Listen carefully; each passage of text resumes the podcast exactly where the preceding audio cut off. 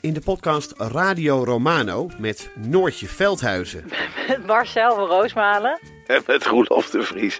brengen we alle drie elke week een zogenaamde signalering mee. Wat heb jij nou weer bij je? En aan het eind bepalen we wie de winnaar van de week is. Echt een angstcultuur Lege huls die je er bent? Ja, dat gaat eigenlijk altijd onvriendelijk. Luister nu naar Radio Romano bij Podimo. Via podimo.nl slash Radio Romano luister je 30 dagen gratis. We leven in een wereld vol problemen. Het milieu gaat kapot. Burgers radicaliseren aan de lopende band. Poetin is een dictator, Biden is dement, Trump is een crimineel. En de tuin van Huberto Tan schijnt een zootje te zijn. Dus dit is het moment voor twee comedians, Vera van Zelm en Sander van op Zeeland, om de wereld te veranderen. Alles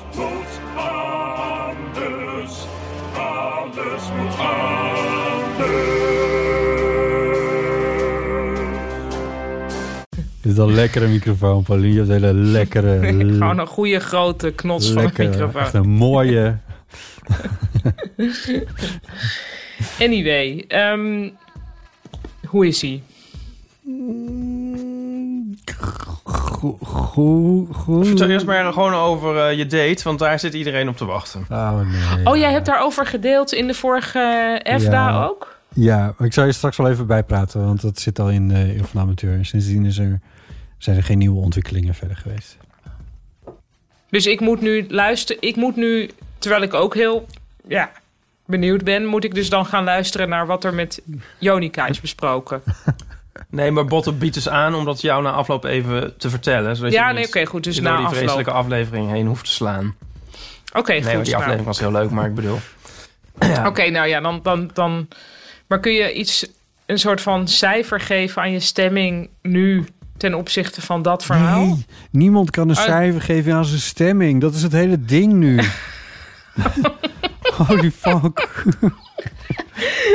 It's all over the place. Oké.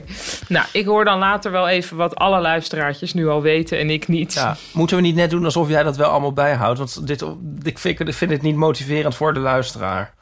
We doen net alsof Ja, maar jij dit al wist. Nee, vind ik niet. Want er blijkt ook uit onderzoek dat mensen minder podcasts nu luisteren. En waarom, lieve podcastvrienden? Omdat ze niet meer in de trein zitten. Ja, Bruggetje. ja. Zo. Ipe en ik hebben in de, in de trein gezeten. Ja. Ja. Nog een bruggetje. Heb ik toen een podcast geluisterd. Nou en of. Oh, Ja, oh, ja, maar jij zat er langer in. Ik zat er maar 20 minuten in. Waar was je heen? Ik was naar, ehm, ik was er naar Utrecht. Ik moest ehm drie hoog eh, fotograferen. Mhm. Want na zes weken met archiefmateriaal een soort eh, dingen samengesteld te hebben, als de Pink Panther 7, ehm, dacht ik van, nou moet ik echt iets eh, gaan doen. En Nico moest in Utrecht zijn, dus ik kon meerijden s ochtends, maar dan moest ik wel met de trein terug. En ik was er helemaal zenuwachtig voor. Ik vond het echt heel Echt? spannend. Ja. waar was je Ehm, precies zenuwachtig voor? Nou, eigenlijk een soort... Wat ik nu de hele tijd denk van... Ik heb de hele tijd van die stiltecoupé-vibes. Zo van, zou iedereen zich er wel aan houden? En zo niet, moet ik er dan iets van zeggen? En doe ik het zelf wel goed en zo? Mhm. En ehm, dat heb ik met alles. In de supermarkt ook. Maar in de trein, daar heb je ook nog echt stiltecoupés. maar ik bedoel, die hele trein is, nou, is zo'n ding van... Ja, straks gaat er iemand te dicht naast me staan. Of straks is er geen plek. Of zo. Of weet ik veel. Moet ik er dan weer uit? En hoe beoordeel ik dat? En wanneer is het... pres- Weet ik... Ja, Wauw. hebben jullie dat niet? Ik had dat dus totaal niet. spannend. Echt niet? Oh, helemaal niet. Nee, ik dacht...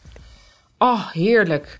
Ik kan lekker in mijn eentje gewoon in iets dat zich verplaatst. Dat vond ik al tof. Dat ik de wereld zou zien bewegen in plaats van de wereld mij. Ehm, of niemand elkaar zien bewegen, weet ik veel. Dus dat vond ik heel fijn. En ik vond het heel lekker rustig. Ik was blij dat er nog een ehm, op het station... Nee, ja, ja. Sorry, Ja? nee, maar dit is ook hoe je het ervaarde. Want ik vond het dus geweldig. Ik vond het heerlijk. Oh, ja, maar ik had dus van tevoren had ik al anticiperend genieten. Toen ik erin zat, dacht ik wel van ja. het zal, ja, ik, het is waarschijnlijk omdat we al zo lang nu in pseudo-quarantaine zitten, dat ik toch denk van. Dat eigenlijk alles wat je dan nog moet doen, voelt als ongelooflijk veel moeite. Dus even voorbeeld. Eh, ik was naar Brussel met de, met de Thalys, zoals zij het zeggen. Wij zeggen Thalys, de, Brussel, de Belgen zeggen Thalys. Wat ook een reden is dat ik hem graag wil laten sponsoren door Thalys, zeg maar echt mijn ding. Maar goed. Ehm, 50 dagen quarantaine, mensen. Ehm, eh, Oké, goed. Ik moest daarheen om of de talisman met de microfoon. Nou ja, goed. Precies.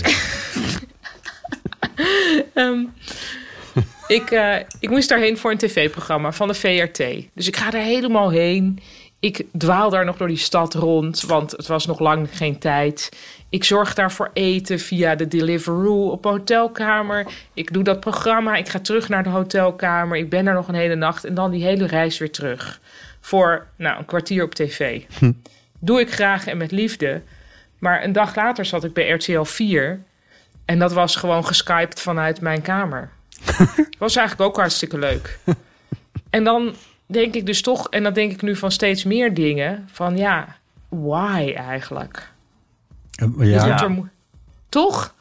Ja, ik bedoel, ik snap wel dat het iets toevoegt als iemand er echt is. En dat maakt het contact ook wel leuker. En ik vond het ook super leuk dat ik een reisje kon hebben. Maar ergens dacht ik ook... Volgens mij hechten we veel te veel aan plaatsen. aan fysieke plaatsen. eh, Of niet? Of is dit nu de gekte die spreekt? n- nee. eh, Nou ja, een tv, je hebt een plaatsen en een tv-studio. Ik, ik dwaalde dus een beetje door Utrecht. En eh, dat vond ik toch anders dan als ik het op, eh, op Street View ga bekijken. Nee, dat is absoluut waar. Dus voor je eigen plezier zijn verplaatsingen heel goed. Maar ik dacht wel van... Ja, ik vond gewoon... Ja, Volgende keer moet je een hologram sturen van nou ja, dat je ineens zo merkt van... hey, het, vroeger was er natuurlijk geen sprake van geweest... dat je per Skype aanwezig zou zijn in een, een vijf uur live... of wat is het, een RTL-programma. Ja. Dat gaat over gezelligheid. Dan ga je natuurlijk altijd, moet je daar zelf gezellig aanwezig zijn. En nu is het ineens wel een mogelijkheid. Ja. Toch Ja. grappig. Ja. ja. Nee, die begrijp ik heel erg goed. Maar ik mis jullie wel hoor, hier. Ja, nee, dat heb ik ook. Nee, misschien ben ik ook veel te... Als ik veel te... Ja, maar goed, het is wel een oemweertung aller weerte, toch? Deze hele tijd. Nee, maar ik, ik vind al voor... al- Ja, maar jouw tripje klinkt ook als... Voor, eigenlijk voor alles zou ik dat een gedoe vinden. Ik bedoel, heel veel dingen zijn natuurlijk ook een enorm gedoe. Ja, maar ik denk in een normaal leven... waar ik toch al de hele... Ja, vaker weg ben en veel meer dingen op een dag moet doen... eh, d- dan, Dan kan ik na dat, nee, dan kan ik dat veel makkelijker Ja. incorporeren. En nu voelt heel veel al als van jeetje, oeh, oeh, er komt iemand langs op de stoep. Dat is, eh, dat is heftig of zo. Ja, ik weet niet, alsof, Ja. Ja. alsof we er allemaal, of ik althans, hoogsensitief van word. Daar heb ik dan meteen ook een sketch voor geschreven voor een man met een microfoon. Oh, over leuk. precies dit. Oh, mooi. Ja. Dus, eh, Ik vond in ieder geval... Ik vond dus de trein... ehm, toen ik eenmaal dan veilig zat... eh, echt heerlijk. Ik, ik dacht echt van... Oh, kan ik, kon ik maar voor altijd blijven zitten. Zeg Ja. maar, ik vond het veel te kort. Ik vond het zo Ja. leuk. En een soort... eh, net alsof even... Het voelde weer net even een soort normaler of zo. Het was natuurlijk Ja. ook zelfbedrog. En het voelde ook een soort... eh, een beetje heldhaftig. en ik ging ook meteen het op Instagram zetten. En toen kwamen er ook meteen allemaal eh, berichten van mensen van... Wow, je zit in de trein. En wow, Ja. levensgevaarlijk. En zo, en dat soort dingen. grappig. Ja, ik had geen enkel ja. gevoel van angst. Wat wel gek was- aankwam. Ik had dus wel, ik, ik zat dus in die Thalys en toen kwam er iemand binnen. De enige andere persoon in die coupé was de auteur Joke van Leeuwen. Jullie misschien wel bekend. Ja. nou, heeft veel kinderboeken naam. geschreven ook. En ze is ook stadsdichter van Antwerpen geweest. Heel leuke. Ze is trouwens ook cabaretier geweest. Eigenlijk wel iemand waar ik me enigszins verwant aan voel. Ze, heeft, ze tekent ook veel, ze schrijft veel. Nou, heel leuk mens. En ik had haar wel eens gezien. Maar het was zo raar dat dan in zo'n verder lege coupé... ik haar dan tegenkwam. En toen was haar reservering op de stoel pal voor mij. Maar dat vonden we dus niet verantwoord. Dus toen is ze op een andere stoel gaan zitten. Maar moest je toen met haar praten? Nou, heel even praatje gemaakt. En zij moest een paar keer hoesten. Toen dacht ik, het zal me toch niet gebeuren... dat ik nu corona van Joke van Leeuwen krijg. in een verder lege coupé. nee, maar het was niet zo'n situatie van dat je op een, op een perron staat te wachten in de olden days. En dat er dan zo iemand komt en dat je denkt, oh kut, nee, gaat hij met dezelfde trein? Oh god, heeft hij me al gezien? Oh nee, heb je gezien? Nee. En dat je, nee, want we moesten afstand houden. Ja, je gaat niet door, ook niet door een lege coupé verder nog roepen van... En, Joke? Toch? Ja, maar als je niet. bijvoorbeeld zo vier stoeltjes hebt en dan heb je nog zo'n vier stoeltjes en je zit zo schuin in het Oh, ja. soort, dan zou Nee. je wel een gesprek Nou, hebben kunnen. nee, ik denk dat, dat Joke en ik geestverwant genoeg zijn om te begrijpen... dat gaan we niet doen. Nee. Er waren trouwens wel andere, ik neem aan, ja, toch een soort, nou, een oude millennial was het dan. Of iemand die gewoon niet weet hoe je met een telefoon omgaat. Die dan van die lange gesprekken in het Frans ging voeren, maar dan zo. Dus niet met een oh oortje, god. maar gewoon dat we allemaal meehoorden van wat diegene, wat die Ik aan de andere dat kant van de lijn. zoveel op straat. Jesus Ik Christ. begrijp echt niks van. Doe dat ding tegen je oor. Ja. ja, of oortjes, maar in ieder geval. Of oortjes. Laat in ieder geval je oor een rol spelen. Sorry, ik ben aan het... Ik, Neem niet zoveel sociale ruimte in, et cetera. Een, een hoogsensitieve, boze vrouw ben jij. ja, geworden. Geworden. Maar hoe was het in het hotel? Nou, dat hotel had geen ontbijt, want dat mocht niet. Nee. Ik vond wel inderdaad, ik dacht daar van... ja, elk oppervlak wat hier is, kan corona hebben. Dus ja, je kan wel aan de gang blijven met je handgel. Ja. Ja, het had toch een beetje... Het was nogal onheimisch. Het was ook een beetje creepy, omdat er volgens mij verder niemand was. Nee. En Brussel heeft natuurlijk sowieso al een beetje iets van... ja, klopt het hier eigenlijk wel? dus dat was een beetje. Maar ik was, ik wel ja. blij dat ik in de... Blij toen ik in die studio kwam. En die mensen waren heel aardig Ja. en leuk. Er was een beetje een gedoetje hier in Nederland, omdat eh, in Nederland, alsof jullie hier niet wonen, Ehm, omdat eh, er een hotel blijkt te zijn, ik weet niet eens waar, ehm, dat ehm, weer eten aan het maken was voor cliëntele. Ja. Eh, en daar werd Mark Rutte op aangesproken. Zo van, mag dat dan wel? Ja, zeg maar, Mhm. Rutte, eh, dat mag wel, maar dan alleen voor de eigen gasten. Ja, maar dan zijn er nu dus mensen, zo zei de verslaggever... die gaan dan een kamer boeken, zodat ze daar kunnen eten. Wat voor fantastisch eten moet dat dan zijn? Ja, ja, ja. Het ging Mark Rutte Ja, allemaal wat te ver. Die zei, we, we runnen hier geen kinderspeelplaats. Maar, eh, maar ja, ja. Ik vind, Ja, maar ik moest ook eten bestellen dus daar via Ja. Deliveroo. Ja, wat, Ja. Is, wat is je andere optie? ja, ik weet ook niet zo goed wat nou beter is. Ik heb geen idee. Nee, dat er nou een, bedoel, of er nou een kok in de keuken van het hotel voor jou had gekookt. Of dat er iemand in het, Nee. bij die Deliveroo, wherever Sterker was. nog, dat is nog door meer handen gegaan. Namelijk ook van degene met zijn brommer. Ja, ja. Ja, hoewel ik dus op Eiburg, een van mijn recente uitjes, Was dat bij je broer? met mijn broer een Ja. eh, pizza heb gegeten Mhm. bij niets spannends, maar iets domino's-achtigs of zo. En daar zat een Ja. sticker op de, op de pizzadoos van deze pizza is uit een oven van 985 graden, weet ik veel, gekomen. En daarna door niemand meer aangeraakt. Dat Wauw. stond erop. Ja, want volgens mij bij 60 graden is het virus al dood. Ja, het, het was wat overdreven, maar ik denk dat je dat nodig hebt Ja. voor de pizza. ja Dat dat zijn snap eigenlijk ik. 900 graden. Nee, joh, het was t- 2,45 of zo, weet ik veel. Ik heb het getal niet onthouden, maar Ja. in die geest. In die talkshow in België waar ik zat... was ook de minister van Justitie van België. Hebben ze En, daar weer eh, een regering? Ja, dat weet ik. Dat weet, Nee. Nou, misschien is het nog het noodkabinet. Ik weet niet precies. Nee. Dit was wel een komische man op zich. En de Belgen moeten allemaal zelf mondkapjes gaan naaien. Oh ja. En er was ook een, eh, een jongen die ik wel ken, een comedian... Die, dan, die ook zich heel erg achter dat initiatief schaart. En die ging toen live in de uitzending een mondkapje naaien. Met zijn naaimachine. En dat was zo huiselijk en gezellig. Dat was wel een... eh, Ja, dat was wel leuk. Verder denk ik van ja... Die mondkapjes, ik weet niet. Ik zag het daar op straat... dat mensen verder dan meteen veel nonchalanter waren. ja.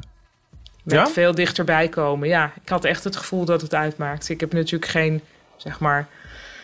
echt onderzoek naar gedaan. Maar ik dacht wel, iedereen die hier met een mondkapje loopt... die doet niet meer aan even ruimte geven. Nee, ja, je schreef het in de krant vanochtend, geloof ik. Maar Ja, hoe dichtbij... Ik bedoel, waar hebben we het dan precies over?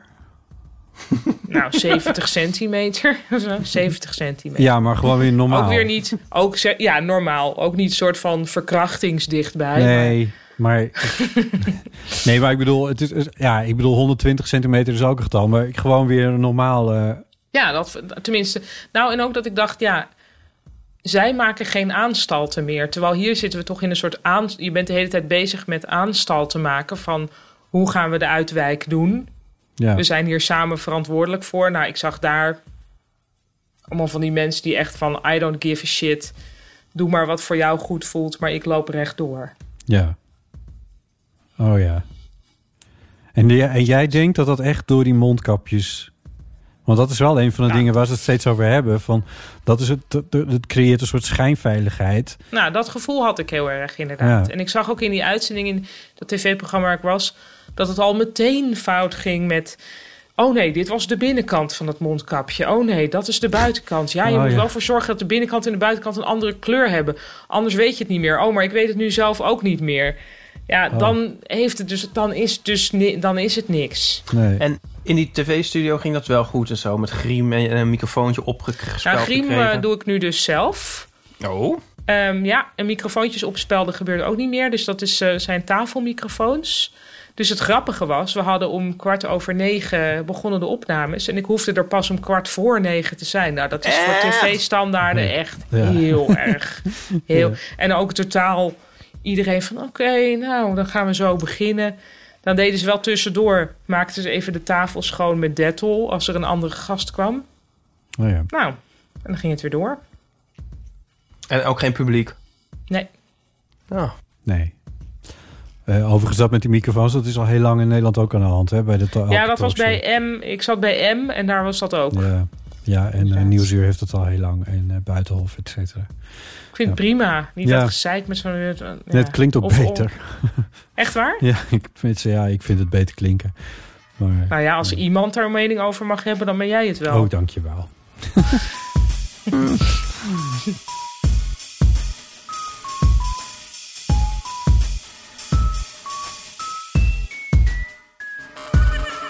Welkom bij de Eeuw van de Amateur, aflevering 140. Uh, een wekelijkse podcast over het leven en alles wat daarbij komt kijken. Wil je een bijdrage leveren aan het archief van de Eeuw van de Amateur? Ga dan even naar onze website en klik op het knopje Show Notes. Wat overigens mensen hebben gedaan. Want er Niet. is flink Niet. bijgewerkt. Ja, Ga weg. ja echt. Door eh, wie? eh, ja, dat kun je niet altijd helemaal goed achterhalen. Want dat gebeurt natuurlijk eh, achter... eh, hoe heet die namen? Ehm, Handels. handles. Ehm, maar het is gebeurd en dat is heel erg fijn. Dus wie dat heeft gedaan, hartelijk dank daarvoor. En eh, Oh. keep up the good work. Eh, dank voor een donatie van Anne, Frans, Simone, Leontine, Alex, Inger en Bente. Super bedankt voor jullie bijdrage. Dat is- Hier gingen we nog iets leuks voor verzinnen, geloof ik, hè? Maar dat zijn we vergeten. Ja, dat moet allemaal nog opgezet Moet nog worden. op onze to-do-lijst. Dat komt allemaal goed. Ehm, en eh, nu we toch een beetje in de, in de, in de, in de inleidende dingen zitten. We staan in de VPRO-gids. Yay. Yay. Ja, eh, onder de kop babbelen met beleid. Nou, dat vind ik ook wel een soort ondertitel voor misschien jouw visitekaartjes, botten of zo. Ja, Ja, of, dat- of, of zo'n bestikkering op je auto. Botte Jellema, babbelen met Babbelen beleid. met beleid. Hoewel dat dan eigenlijk klinkt, dat klinkt dan eigenlijk als een soort heel vervelende consultant... Ja. die dan met beleidsmakers Ja. gewoon lekker gaat babbelen. Ja, ja, ja, nee, ja. Nou, dit stuk is geschreven Babbelen. Onder- Babbelen. onder de Babbelen. vraag... Kokkerellen. Wat is het geheim? hè? Ja. Oh, Nee, Sorry. wat is het geheim van een goede keukentafel-podcast? Nou, om te beginnen, En een keukentafel. oh ja. Maar dit is niet echt een geheim hè, van een keukentafel podcast. Nee. nee. Wie dat wil weten, lezen, die kan eh, natuurlijk een VPRO-gids kopen. Maar haar, ze hebben ook de eh, paywall eh, er even afgehaald bij de VPRO. Speciaal voor dit artikel. Nee, om, Ja, om ja, mensen te steunen in deze moeilijke tijd? ik denk het, ik weet het niet. Ehm, Oké, sorry. maar je kan het stuk gewoon Ja. online vinden. Eh, dat is natuurlijk ontzettend leuk. Dus eh, dank aan de VPRO. Voor alle urgente, nou ja, hoe noem je dat? De vitale tv-gids of de... Hoe ik heb dat helemaal- nou? ik Vitale heb, eh, beroepen? Nou, ik weet niet meer. Ja, ik heb helemaal geen, geen Google Alert gekregen van... eh, dat, ik heb helemaal geen Google Alert gekregen. Waar heb jij een Google Alert voor aanstaan? Op mijn eigen naam natuurlijk. Oh ja, Misschien word je niet genoemd. nou dat ik, ik word wel genoemd, zag ik in een volgens screenshot. mij ook, ja. Ja. Zelfs, zelfs de Pet Shop Boys worden nog genoemd. Pet Shop Boys, of volgens mij Pauline het word wel leuk jij ook vinden, genoemd. Al die aandacht. Superleuk voor hun ook, want misschien hebben zij ook wel een Google Alert op hun eigen Daarom, naam. daarom, die denken ook van... Hey, Van, we hey, we leven in Nederland. Precies. Man, man, man wordt genoemd. Man, man, man met de microfoon. Wordt man met de microfoon nog genoemd? Dat is geen keukentafelpodcast. hey, Chris heeft een weekend, Boys eh, ook niet. Chris heeft een weekend eh, ingelast, toch maar? Nee, Oh, hij heeft, ehm, nee, hij heeft nog steeds elke. Hij heeft alleen één dag. ehm, één ding herhaald van een oude man met een microfoon. Maar wel nog steeds met inleiding en nog iets extra's. Ja. Dus hij, hij gaat, geloof ik, wel echt tot 1 juni dagelijks door. En hij stond vandaag ook in de Volkskrant. ja. Er stond een artikel en eh, Ja, Dat was- mooi stuk. dat was leuk. Ja. Ja, ik vind het zo knap, want hij zit nu ergens op aflevering 40 en er komen dus nog 50. 50. Vandaag is, eh, ja, dus Daar komen hij nog- kreeg vandaag ook een cadeau van mij. Ah, wat heb je hem gegeven? Nou, we stonden laatst, ja, maar het is allemaal, het is allemaal nogal, hoe noem je dat? Navelstaarderig. We stonden laatst samen in de Volkskrant, omdat we, Mhm. eh, ja, zo met dat je ons ziet op ons balkon of veranda ding en dat we onze ochtend naspelen. Mhm. En dat vonden we een leuke foto die gemaakt is door dus een echt fotograaf. Ja. En dat je ons in onze pyjama ziet. Waar en jij die heb ik tekeningetjes bij had gemaakt. Ik ben, eh, teken, heb ik tekeningen bij gemaakt. En dat, die foto plus die tekeningen, heb ik dus high-res opgevraagd. En dan af laten drukken op een plexiglas. Oh, wat leuk. Ja, dus dat kan hij nu in zijn kamer ophangen. Ja. Leuk, hè? Ja. Nou, wat een leuk idee zeg. Ja, dat is echt Ja. leuk. Ja, en nu dus nog 31 à 32 te gaan voor hem. Dus hij komt op 82 afleveringen in deze serie. Heftig, hè? Ja, Ja. best wel. Heel heftig. Ja. Ja, we hebben gewoon nooit vrij. Heeft er nog wel... Ja, hij heeft er lol in, want dat hoor ik. Ja, hij heeft er heel veel lol in en het past hem als een, als een handschoen, of hoe zeg je dat? Ja, zoiets. Ja.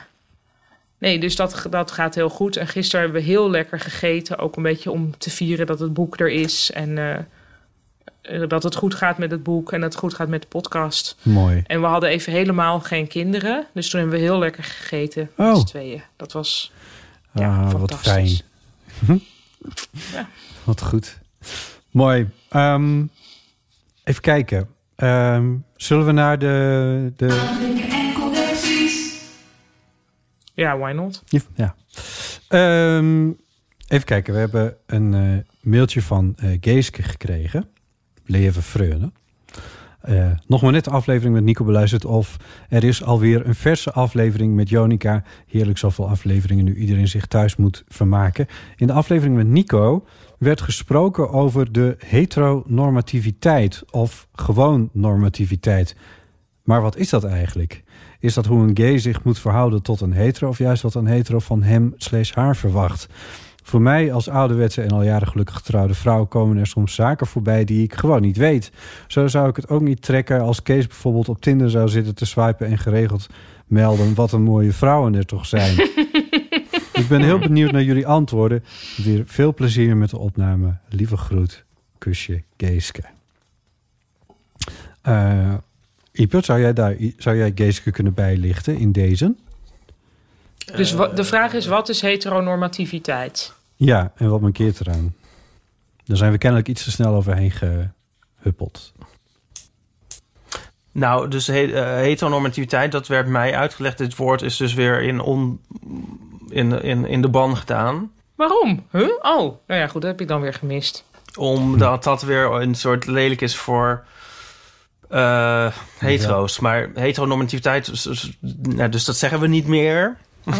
maar normativiteit... Dat zeggen we hier thuis dus. niet meer. Normativiteit is eigenlijk gewoon een soort de terreur van de norm. Ja, en oké. ehm, die valt Ja. dan vaak samen met hetero's, omdat dat daar gewoon er veel van zijn. Mhm. Ehm, maar dus bijvoorbeeld ehm, monogamie of zo zou je dan kunnen verscharen daaronder. Of eh, ik bedoel nou dus nu weer net alsof alle homo's niet monogaam zijn, maar. Eh, ja, eigenlijk al- is dat, het, is dat gewoon normativiteit is gewoon wat het is. En eh, alleen dan is het in dit geval een beetje een soort ne- negatief bedoeld, omdat het een soort dwang oplegt of suggereert dat wat van de norm afwijkt niet juist zou zijn. Ja. En eh, dat, hoeft, dat hoeft niet zo te zijn natuurlijk. in casu bijvoorbeeld van ehm, ja noem eens wat Nou, in casu van... ehm, eh, ja, ik moet toch vooral denken aan, eh, aan dingen als monogamie eigenlijk. Ja. Zo van, ja, dat is... Het, of, of, of je kunt ook denken aan eh, bijvoorbeeld van... oh, eh, ja, weet ik veel... als je een leernicht op straat ziet of zo... eh, ja, moet dat zo zichtbaar of zo? Ja. Ja. Weet je wel? En ja, dan kun je denken... nou, de publieke ruimte is van iedereen... en ook voor mensen die er niet uitzien als de norm... meeste. tussen aanhalingstekens Ja. dan maar even. Ja. Ja. Dus het oordeel is vooral het probleem, hè, wat daarbij zit. Ja. Ja. Ja, denk ik.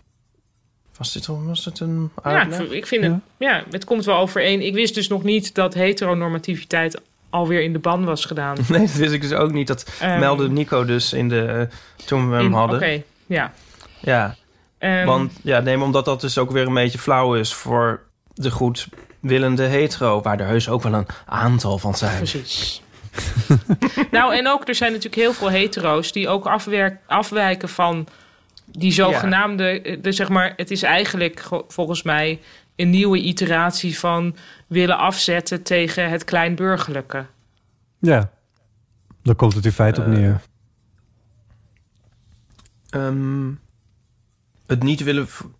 Nou, hm, dat begrijp ik Nou ja, niet. nou, eh, kijk, heteronormatief, of tenminste dus van... eh, ik mag toch wel als leernicht op straat lopen... heeft natuurlijk eh, te maken volgens mij... dat je niet wil voldoen aan wat de kleinburgerlijke samenleving voorschrijft. Dus eigenlijk wat... Nou, ja, dat weet ik niet. Want je, ma- dat, je hoeft daar ook niet een reden voor te hebben, volgens mij. Maar het gaat er meer om dat je dat niet beoordeelt naar maatstaven van Ja, anderen of normen of zo. Ja. Wat Ja, iemands dit- gedachte daarbij dus- is van of het niet dat anders... Ja, of je zich daarmee afzet tegen iets. Dat doet eigenlijk niet echt de zaken.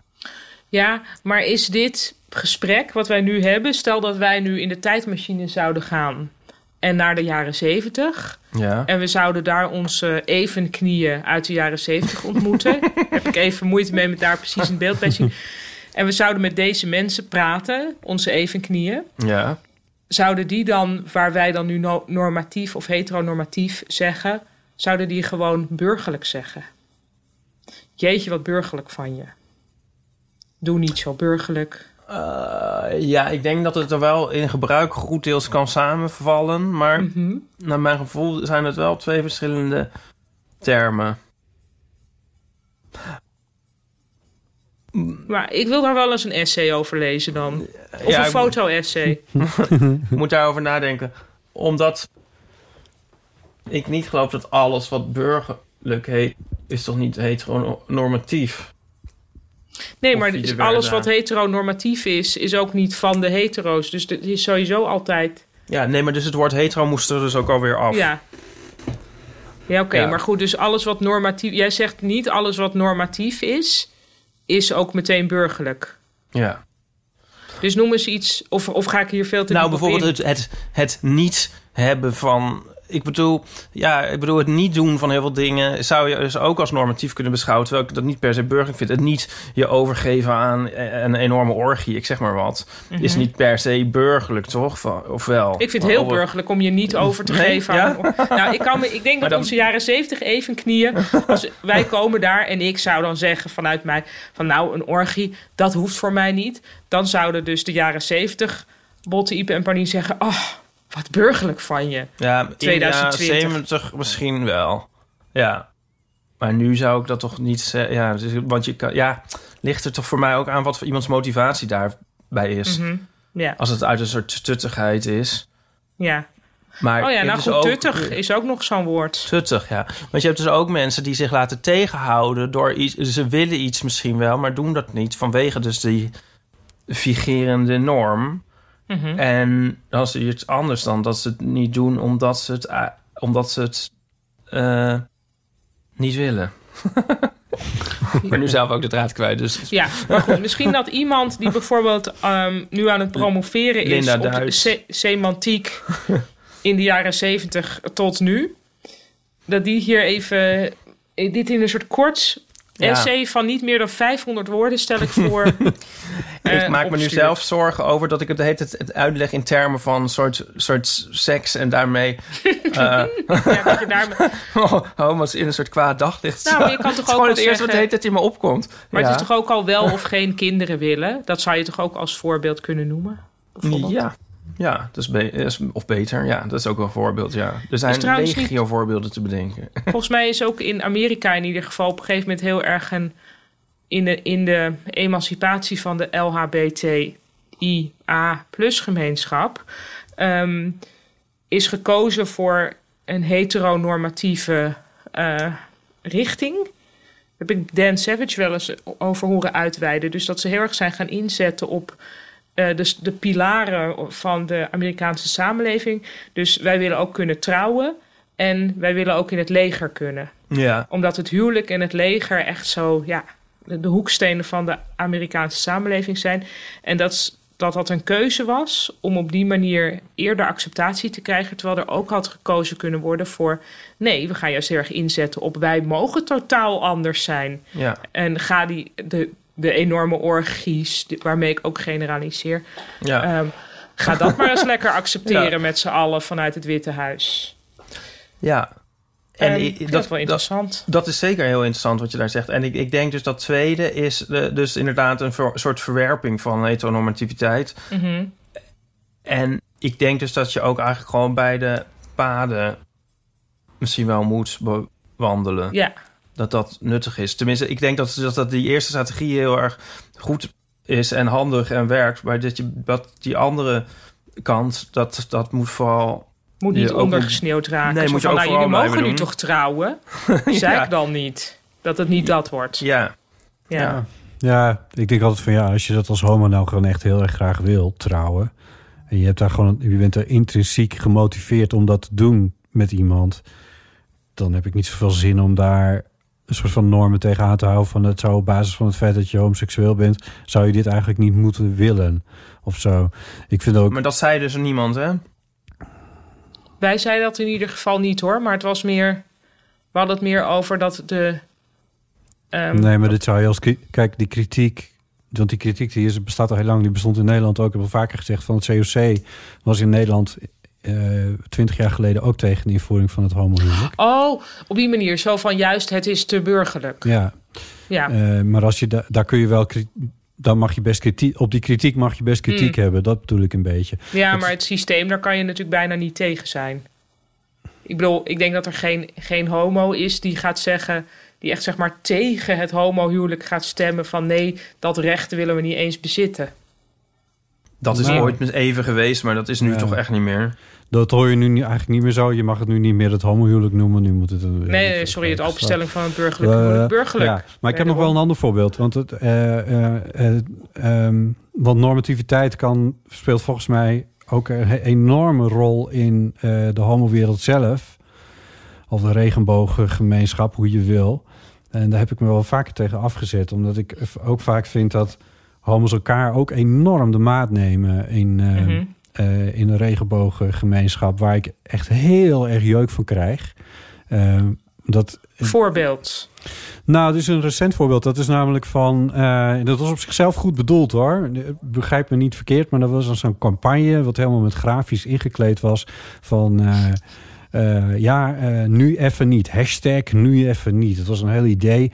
En dat ging dan over daten eh, van, op Grindr en weet ik wat. Dus homo's mogen dan nu even niet daten. Ik ben er zo boos over. dat Ik dacht van, ga, jongens, doe even. Wie, ik bedoel, er zijn echt meer hetero's aan het daten. Ieder moment van de dag dan er homo's aan het daten zijn. En nu gaan wij ons... Ik bedoel, ik snap dat wij ons zeg maar even, onderscheiden van de hetero's. Dat wij ons onderscheiden van de hetero's op basis van onze geaardheid. Maar dat heeft niks te maken met de kwantiteit van de seks. Dat heeft met de kwaliteit van de seks te maken. Ik bedoel, nu even niet. Want het is zo'n rare campagne om dat alleen Wacht. maar op de LGBT... Neem even een gemeenschap- water. Maar wie, wie zegt dat? Is dat alleen maar op eh, de LGBT Maar is dat, is dat niet op Tinder dan ook? Of Misschien even één vraag tegelijk. Ik eh, ben blij dat Ja. ik even kon Maar uitpraten. stelde dezelfde vraag. Nou, wacht even. Ten eerste wil ik graag weten... waar is deze camp- campagne tot jou gekomen? Ja, dat was via de socials. Dus dat kwam op mijn Twitter voorbij. Dat kwam op mijn Facebook voorbij en op mijn Instagram. Ik heb het echt overal gezien bij verschillende En dit mensen. was Dat- vanuit, die was gemaakt door... Dat ben ik eerlijk gezegd, het was een soort alliantie van bekende eh, regenbogers. En wie dat dan Maar- precies waren, dat is, ik, ik, die ken ik dan niet. Maar ja, En goed. denk je niet dat ook bijvoorbeeld alle hetero-singles... iets dergelijks door hebben gekregen... langs hebben zien komen, dat, dat het er ook is of zo? ja. Want inderdaad lijkt dat me eh, heel, dan, dan toch ook heel handig... als ja, de heterie... as well as de homie dat Ja. dan Maar- krijgen. Ja, maar ik vind het als punt, kunnen we het erover hebben... maar ik zie toch ook het verband met normativiteit niet helemaal. Want hoe neemt wie wa- dan wie de maat? Nou, dit is wel een beetje een afgeleide, maar het is wel zo dat ik denk van ja, hier wordt dus wordt, worden wij als homo's en dat, la, en dat laten we onszelf dus kennelijk ook een beetje aanleunen door, door dit op deze manier te doen en door bekende regenbogers dit ook te laten dat, dat wij dan zeg maar voortdurend en alles met iedereen de hele tijd seks hebben. Mhm. Ik vind het toch echt een beetje wel eh, in de eye of the beholder, geloof ik dan. Je kan toch mensen, ja, als, als, er, als er staat van eh, blijf binnen, dan, is het, dan ben je toch ook niet van eh, blijkbaar ga ik de hele tijd naar buiten. Als het gewoon is nu even niet, ja, er wordt er niet gezegd van ja, jullie, jullie zijn de Want? hele. Ik bedoel, ja, Het zal wel Het niet gewoon- lukken, want jullie kan- hebben geen zelfbeheersing. maar ja, het is gewoon. maar ja. het, sta- het stuitte mij tegen de borst in ieder geval. Ik vond het, eh, ik vond het heel normatief. Ik vond Nou, het, jij eh, vindt het in ieder geval irritant als je het gevoel krijgt vanuit de homogemeenschap zelf dat er een imago van oversextheid wordt uitgestraald. Ja, ik vind dat wel een- Waarbij want dat- oversext ook al Dat komt wel ergens vandaan namelijk, omdat ik vind dat, dat... is klopt. Dat Ja. klopt, hè. Ik, ik, de, de verbinding was te slecht om dit precies te kunnen volgen. Wat Oh, nou, dat hoor je dan later wel eh, op de opname. Nee, ja, wat ik, er was ik wou on. ook iets over zeggen. Namelijk dat, is namelijk dat ik vind dat dat, dat, dat in de, eh, in de homo-wereld een enorme rol speelt. Er is een soort oversextheid en een... eh, eh, de- de- daar wordt iedereen ook voortdurend de maat op genomen. En dat kan heel grappig zijn. Eh, maar het kan ook heel irritant zijn als je daar geen behoefte aan hebt. Maar dit is, is dit nou niet ook Ja. een soort geïnternaliseerde heteronormativiteit die je nu aan de dag legt? Zeg ik even als advocaat van de duivel. Nee. Waarom zou dat zo zijn? Ik ben al heel lang... Nou, omdat eigenlijk, wat je zou kunnen zeggen, ik ga nu ook even hè, als advocaat van de duivel zeggen, is het hele idee van oversextheid, van hoeveel seks goed zou zijn of, of keurig zou zijn, is dat niet ook opgelegd door een, ja, is dat niet ook een burgerlijke norm? Omdat Ik heb het niet over keurig. Ik heb het over dat je elkaar de hele tijd aanspreekt op het feit dat je seks met elkaar hebt. En eh, dat dat Mm. daar de hele tijd over gaat. En dat vind ik heel irritant. Ik vind dat dat, ik vind dat, dat veel te Ja, veel ik maak dat natuurlijk niet mee, dus, dus eh, dat, daar kan ik eigenlijk niet over oordelen. Maar dat Oh, lijkt jij, mij. jij maakt ook. dat natuurlijk niet mee, Paulien. Nou ja, ik zit- Als ik met jullie praat, dan heb ik natuurlijk, dan hebben jullie dat daar. ik- jullie komen op mij niet zo van, nou dat moet de hele tijd over seks gaan. Zo komen jullie op mij niet over. Misschien zodra ik zeg maar de chat verlaat, dat het meteen is. Dat weet Ja, ik niet. Nee. Ik, ja, nee. Kijk, je maakt er wel grapjes over, maar dat vind ik nog weer wat anders. Maar wat, wat ik zeg, komt wel ergens vandaan. Er is, eh, er, er is onderzoek gedaan naar eh, zowel hoe promiscu zijn homo's nou eigenlijk ten opzichte van hetero's. Nou, dat lo- ontloopt elkaar echt op, op een enkel procentpuntje of zo. En dan is er een. Grappig. ehm, eh, dan is er ook nog onderzoek naar hoeveel stress homo's ondervinden van in hoeverre ze elkaar bijvoorbeeld ook de maat nemen op basis van die hele eh corpuscultuur en Mhm. eh, noem het allemaal maar op. Of corpuscultuur, wat zeg ik nou? In ieder geval die lichaams, die, die- al die schoonheidsidealen en, en, en al die Mhm. dingen meer. En dat, dat zorgt voor veel problemen in, in de in de sector, zou ik zeggen. In, eh, in Nou, die sector moet overeind gehouden worden. Ik moet, daar moet 400 miljoen bij, vind ik. maar die onderzoek... Ja, je zegt nu eigenlijk van... Ja, dat is, een, dat is in een onderzoek. Maar dat willen, willen we dan wel als de literatuur van eh, ontvangen. Wat, wat, wat Geen bedoel, probleem, wat bedoel je met promis, eh, promiscu? Bedoel je dus wisselende seksuele contacten In hebben praktijk. hetero's evenveel als homo's? Ja, dat, dat ontliep elkaar bijna niet. Ja, ik, nou, dan ben ik dus wel zo geïndoctrineerd, blijkbaar, dat dit me wel verbaast. Dit verbaast mij ook. Het is echt zo. Maar nou ja, des, ja dan zijn we Ja. dus geïndoctrineerd door de norm. Ja, en dat is verder op zichzelf niet zo erg als, het niet, als, het niet, als we elkaar niet steeds daarop aanspraken. En daarom schoot deze campagne mij dus in de verkeerde keel Ja, ik vind het al. Ik, vind het, ik, ik moet echt even voor de record. We hoeven niet. eh, ik wil je toch echt bezwaar tegen aantekenen. Waar ik vind dit, dit vind ik. jou, wat jij zegt, is gewoon. Dat vind ik heel raar. Dit vind ik nou raar generaliserend. Jij, jij generaliseert nu zelf heel erg. Van oh, homo's doen de hele tijd dit en dat. En eh, ja, eh, hoe dan? Het zijn, toch, het zijn toch allemaal gewoon individuen. En ik, ik, ik, ik zie dit gewoon niet. Nou, Nou ja, de- kijk, die- dat is, daarom begon ik over dat andere onderzoek. Je hebt het over die promiscuïteit, maar je hebt het ook over de geestelijke gezondheid eh, van eh, de, de LHBT-gemeenschap. Dat wordt ieder twee jaar, verschijnt er van het SCP een onderzoek naar. En daar komen best wel zorgelijke resultaten uit.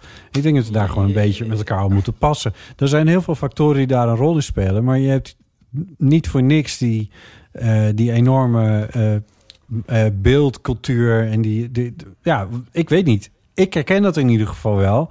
Die uitkomsten die daar uitkomen uit die. Maar je zegt dus de seksuele praktijk van de homo's is eigenlijk helemaal niet anders. Maar alleen de manier waarop ze praten is wel anders. En dat, dat veroorzaakt dan volgens deze redenering alle problemen. Nou, alle, maar.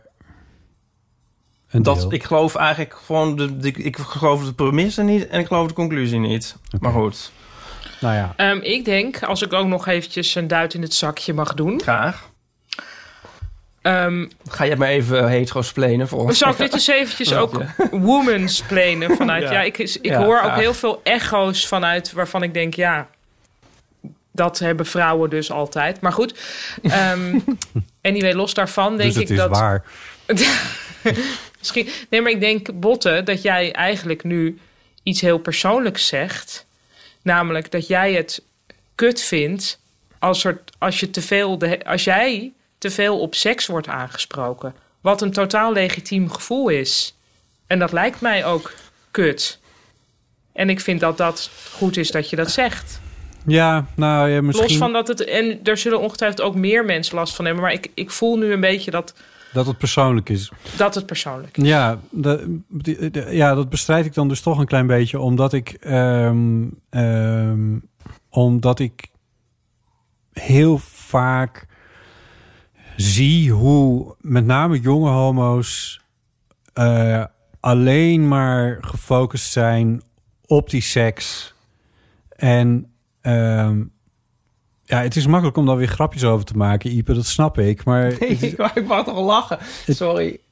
Ik moet gewoon weer denken nou aan ja, de dan scène voel ik me het- toch nou niet zo serieus genomen als je dat Ja. doet. Ik, ik, dat- dat- ik vind het allemaal, ja, maar dat- we hoeven het er niet over te hebben. Maar Ik vind het wel een interessant en belangrijk onderwerp. Ik bedoel niet als je er onaangenaam bij voelt. Maar het is natuurlijk ook weer zo, denk ik... Ja, dat jongens van 18 en meisjes van 18 vast ook... denk ik heel veel met seks bezig zijn. Misschien wij inmiddels, dare I say it, iets, minder. minder. Nee, dat denk ik ook niet? niet. Ik- ja, lijkt mij... ehm, Ja, maar dat verschil, Niet dat iets- is niet waar ik het over heb. maar het is toch Je- niet voorbehouden aan homo-jongeren om met seks bezig te zijn? Dat is toch ook... Dat zijn alle jongeren, toch? En daarom zou die campagne dus ook op alle jongeren gericht moeten zijn en niet op de eh maar dat hebben we al gezegd, daar ben ik het ook niet mee oneens. Maar is, dat Ja. zeiden we ook al, is dat dan ook niet zo? Nee. Maar Nou ja, wat Botte zegt, volgens mij, en dat klopt natuurlijk wel, van als, als al die homo-organisaties, zoals ik ze nu, de regenboogorganisaties, de handen ineens slaan om te gaan zeggen nu even niet, dan zou je verwachten dat er ook hetero-organisaties zijn die dat hebben gedaan. En dat weten we niet. Dus dat zou dan de Rutger Stichting of zo, zou dat dan... Ja. Ik, ik weet even niet wie, wie, Nee, ik heb het er gaat gezien. over, Mm, over dating. Nee, bij dus hetero. er is een enkel artikeltje geschreven over Tinder volgens mij, maar dat was het misschien wel. Maar ik, ik kan het gemist hebben, dat kan best zijn. Ja. Ja. Ja. Nou ja, je hebt wel, ik denk dat je wel een punt hebt. Dankjewel. Ik, eh, ik, ik verdiep me regelmatig in, in dat soort eh, onderzoeken. Ik lees daar veel over, dus ik, ik denk dat ik er wel iets van weet. Ipe? moet ik nu iets zeggen? Ja, ehm, ehm, ik ben geneigd om te zeggen...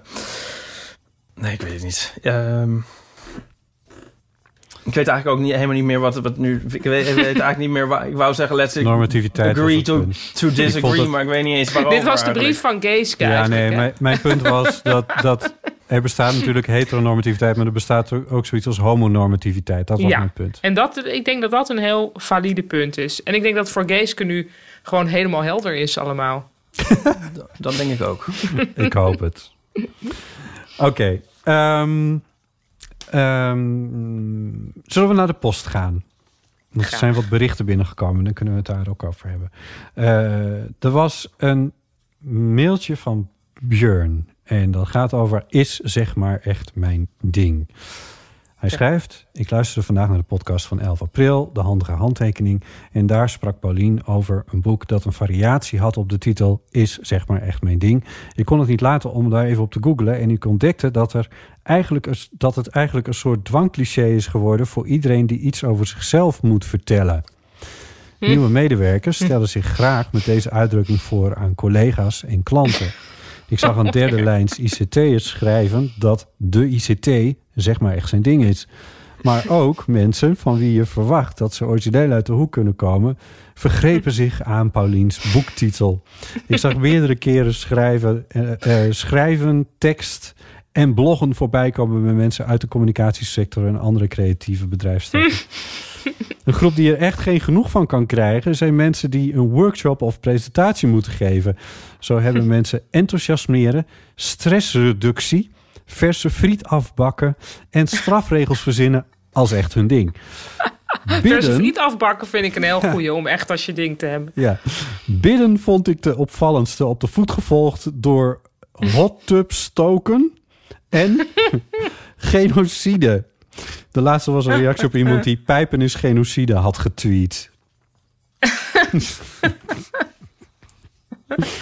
Hé, wat een heerlijk onderzoek. Ja. Dit is iets wat ik zelf nooit zou kunnen doen, omdat ik mezelf niet kan googlen.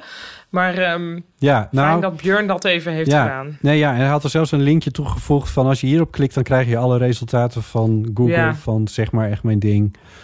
Maar Ik, vind het, ik, vind, ik vond dit een heel goede... Ik een goede essay van 500 woorden. ja.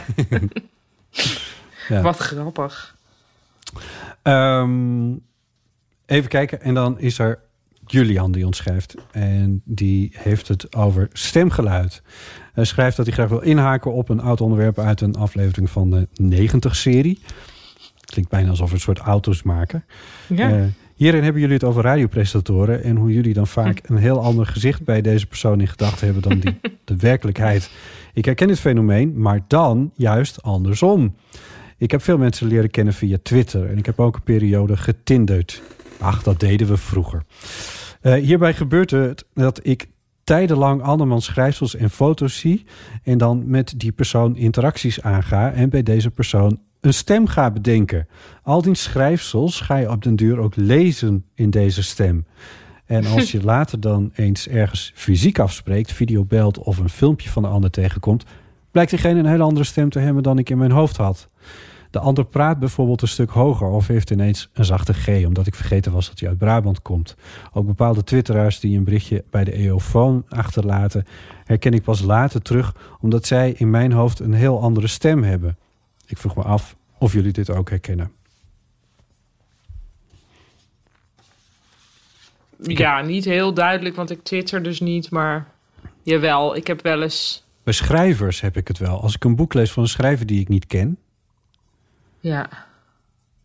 En dat je die dan later hoort praten en dat je denkt: oh, had ik het allemaal in die stem moeten lezen? ja, nog een keer. Ik lees het denk ik, ik lees dan stemneutraal, denk ik. Ik weet wel dat met, ik moet denken aan The World According to Garp. En dat hij dan zo, die Garp, toch? In Ja. hoofdletters praat. Nee, Owen Meany. Eh, ik Owen ben ja. Eh, ja, Pray for Owen Ja. Meany. En die Owen Meany Ja. praat dan de hele tijd in hoofdletters. En dan moet je in je hoofd iets doen. Ja. Dat is heel ir- irritant eigenlijk. Dat vond ik ook eh, mede daarom niet echt ehm, verder mijn lievelingsboek van de vorige eeuw. Nee. Nou ja, ik vond het wel ach, destijds, weet ik veel, hoe lang is dat geleden? Ja. Wel een leuk boek, maar, maar dit is, dat leest irritant. Ja, maar ik vond Garp veel leuker. Ehm, De Hotel New Hampshire ook. Ik heb eigenlijk alleen Nou ja. Carp, Carp en Owen Mini gelezen. Oké, nou ja. Maar ja, goed. Maar, eh, nou, dat was het. Dat was mijn bijdrage. Ja, dus ja, we kennen dit ook, toch? ja. Up to a point. Ehm, laten we dan even gaan naar eh, de droom, het dromensegment.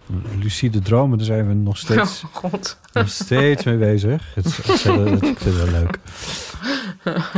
Roosje schrijft eh, een serieus berichtje over dat ze jarenlang ontzettend veel nachtmerries heeft gehad. Elke nacht en meerdere per nacht. Ik heb er medicijnen tegen geslikt. En het werkt op zich goed, maar ik wilde natuurlijk niet voor altijd medicijnen slikken. Na lang zoeken kwam ik bij een psycholoog die mij echt kon helpen. Ik heb van haar een heel simpel trucje geleerd dat oprecht mijn leven heeft veranderd. Als je een nachtmerrie hebt, dan kan je die rescripten. Nu de paywall aanzetten. Je, bede- ja. je bedenkt een andere uitkomst. ja. Je bedenkt een andere uitkomst van de droom. In die droom maak je een verhaaltje dat hetzelfde begint, maar dan op een andere, leuke manier verder gaat en eindigt. Dat verhaaltje moet je dan vier keer per dag, drie dagen achter elkaar, heel gedetailleerd in je hoofd afspelen, met je ogen dicht en in de ik-vorm en tegenwoordige tijd verteld. En na een paar dagen zal die specifieke droom niet meer terugkomen. Dus als je bijvoorbeeld altijd droomt dat je naar het bos gaat en daar in een ondergrondse kooi getrokken wordt en opgesloten zit, dan kan je er bijvoorbeeld van maken dat je naar het bos gaat en dat je lekker aan het wandelen bent en geniet van de geuren, de rust en de zon, om vervolgens weer lekker naar huis te gaan. Het klinkt echt te mooi om waar te zijn, maar het werkt dus na wat oefeningen echt heel goed. Nou, wat heerlijk. Dit is toch een, een vorm van lucide dromen, of niet? Ja. Ik denk het wel. Ipe, wat vind jij? Nee, nou, lucide droom is dus een droom waarin je je bewust van, bent van het feit dat je droomt. En dan eh, eh, Ja, ja. ja, je eigen acties kan beïnvloeden. Dus dit is meer een soort eh, Vooraf, lucide. vooraf. Profilactisch lucide dromen. Ja. maar als, als mensen daarbij gebaat zijn, is dat natuurlijk super. Ja, nee, maar ik bedoel, het leek, er mij, het leek erg op het voorbereidende traject dat dat hetzelfde was. Namelijk dat je. Ja, eigenlijk Ja. wel. Ja, dus dat was het idee van de, dan, dat je een aanloop gaat nemen overdag. Ja, Was zo Jonika's idee, of idee, Jonika's eh, methode ja. geweest. Dat vertel ik nu min of meer aan Paulien. Die, Oh, eh, dat zal ik dan later dus nog even terug ja, luisteren. ja, ja. ja. Want Jonica droomt lucide. Nee, nou in de studententijd Oh, nee. had ze zichzelf dat geprobeerd aan te leren. En dat was ook een soort van gelukt, maar toen viel het allemaal tegen. Ah, Oké, goed. Nou. Ja. Goed de meeste dromen zijn bedrog. Ja. Ehm, we hebben ook wat berichtjes binnengekregen op de. eh, waar zit je hier? De Evil Phone. 06 1990 68 71. Eh, en dat gaat dan ook nog eventjes over lucide dromen. Dat is een berichtje van Lieven. Hoi Botte, Ipe en iedereen die luistert met Lieven van de Eeuw van Amateur. Tenminste, zo werd ik nog herkend eh voordat corona toesloeg. Eh, ik dacht, ik wil even in over de lucide dromen, want ik heb ze nooit. Totdat ik aan het luisteren was naar de aflevering eh, waarin iemand inbelt over die fluoriserende sokken van jou. Van Ipe. En weldra, dat was 's avonds, de volgende ochtend werd ik wakker en had ik gedroomd dat ik te gast was in de Eeuw van de Amateur. Ga weg. En ik was niet alleen, Tatjana was er ook bij.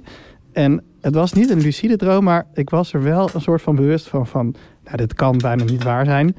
En het werd toen ook een beetje zo ongemakkelijk, want het duurde heel lang. Normaal luister ik naar op versnelde snelheid. zeg. En dat Oh, ja. kon in deze droom niet.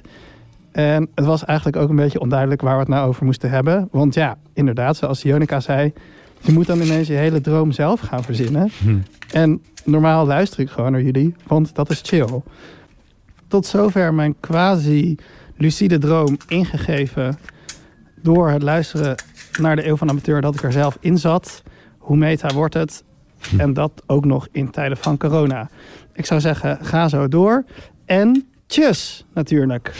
Oh, tjus. Ja, Leuk, lieve, gezellig.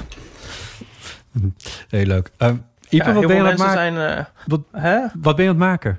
aan het maken. Ja. Oh ja, ik heb eh, zo leuk, kijk, ik heb nu een cassettebandje Oh. van eh, Hotspot. Wat gaaf. het jongste album van... eh, De Pet Shop, de- De? Ja, ik probeer je even de... Ja.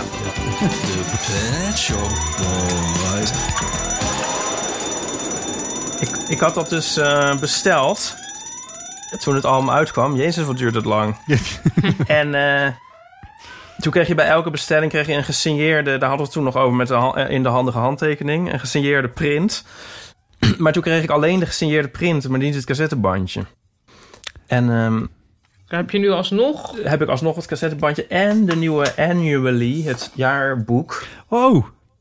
Daar En, ehm, ja, en, en daar zit ook weer een leuk cd'tje bij. My Beautiful Laundrette. Eh, het toneelstuk. En daar was een productie van vorig jaar. Er is toch ook een film van? Ja.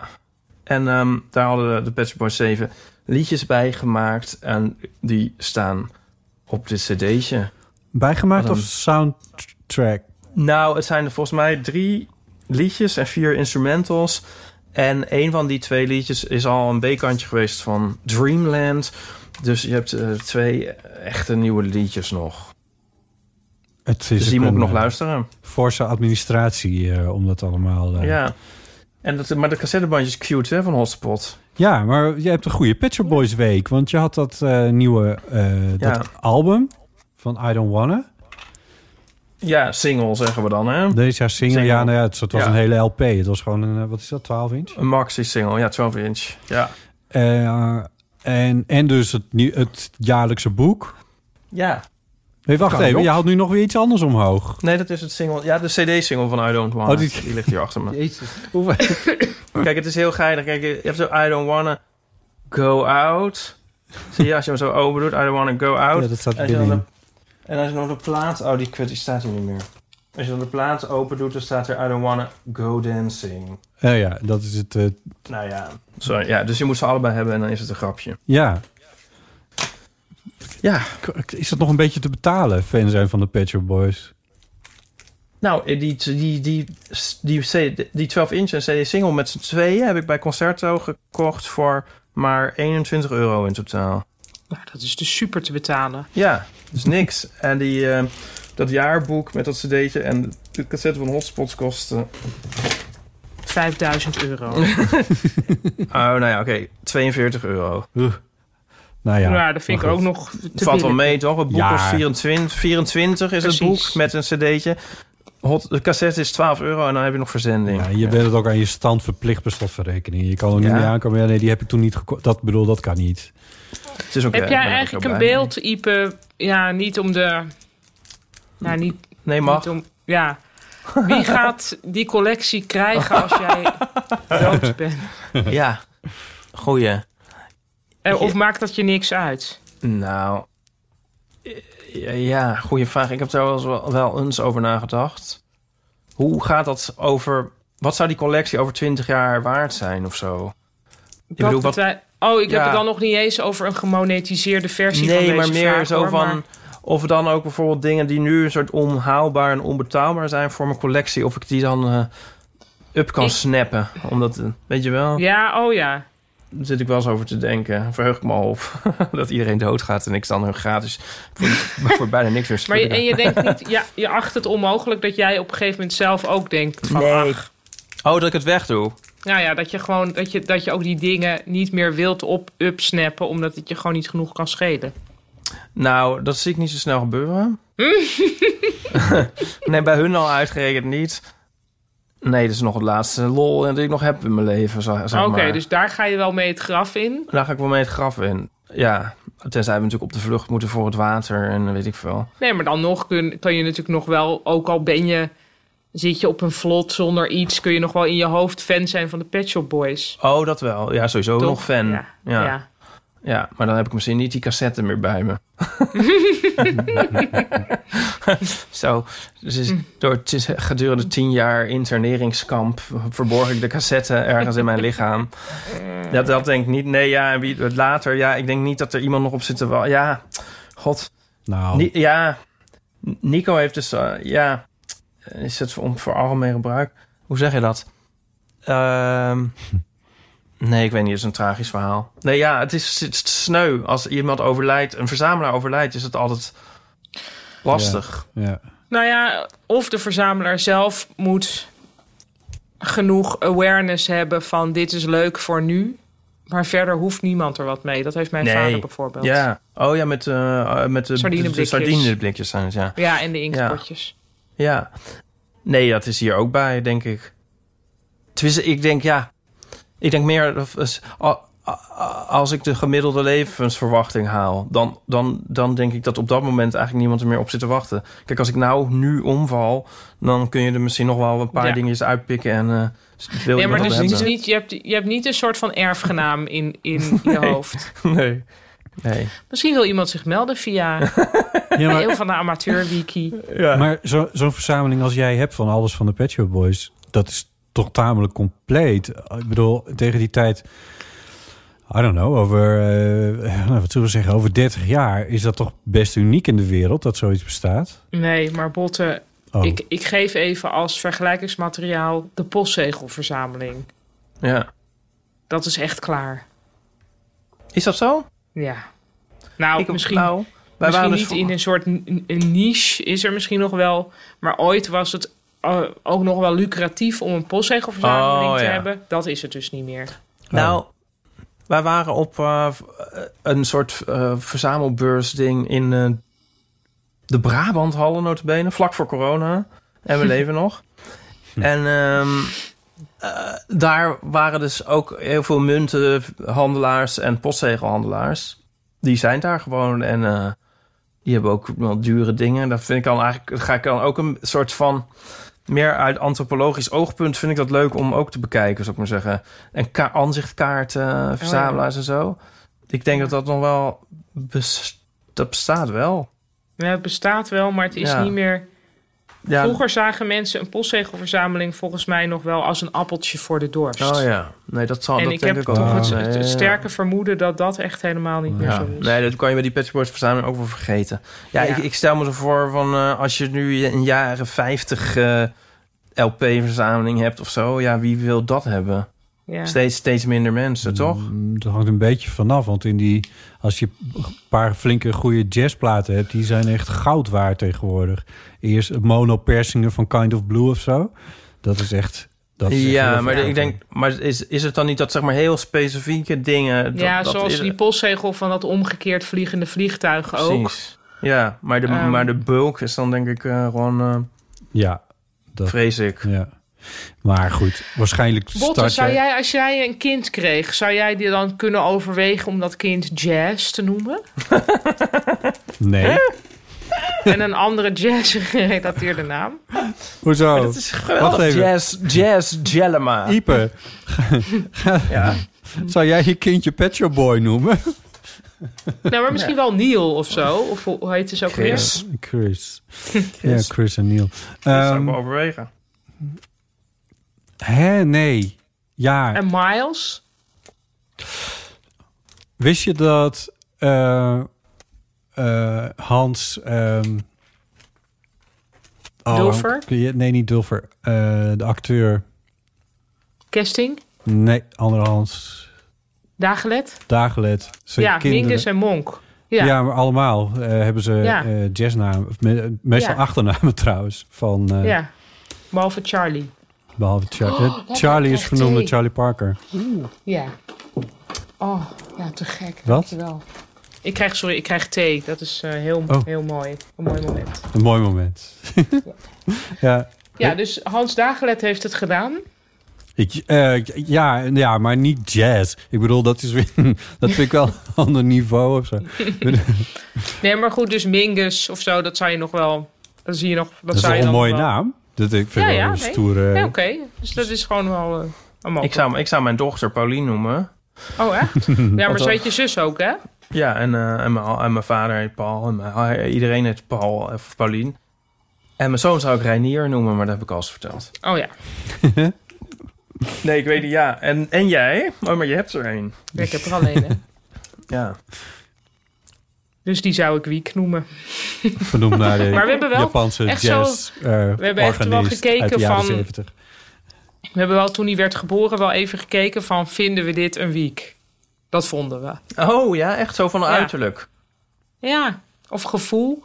We dachten, we leggen het nog niet helemaal vast. Oh, En dan, want hoe eh, snel moet je dat beslissen eigenlijk? Ik geloof drie dagen of zo. Dat je het binnen Oh, drie joh. dagen moet aangeven bij de burgerlijke... de heteronormatieve stand. Maar dat is heel lang, vind ik dat nog. ja, maar er zijn echt mensen die echt heel erg zo in gesprek gaan met de ziel van het kind. Echt? Ik heb ook gehoord van mensen trouwens die hadden een naam. En op een gegeven moment echt gezegd nee. Maar zo heet ze gewoon niet. En die hebben toen toch nog op de valreep een andere naam gedaan. Oh. Ja. En je, weet niet de namen erbij, of dat kunnen we voor uit Ja, wacht even. discretionair Ho, over... eh, oh, oh. Nou, het kan nog best dat ze luisteren ook.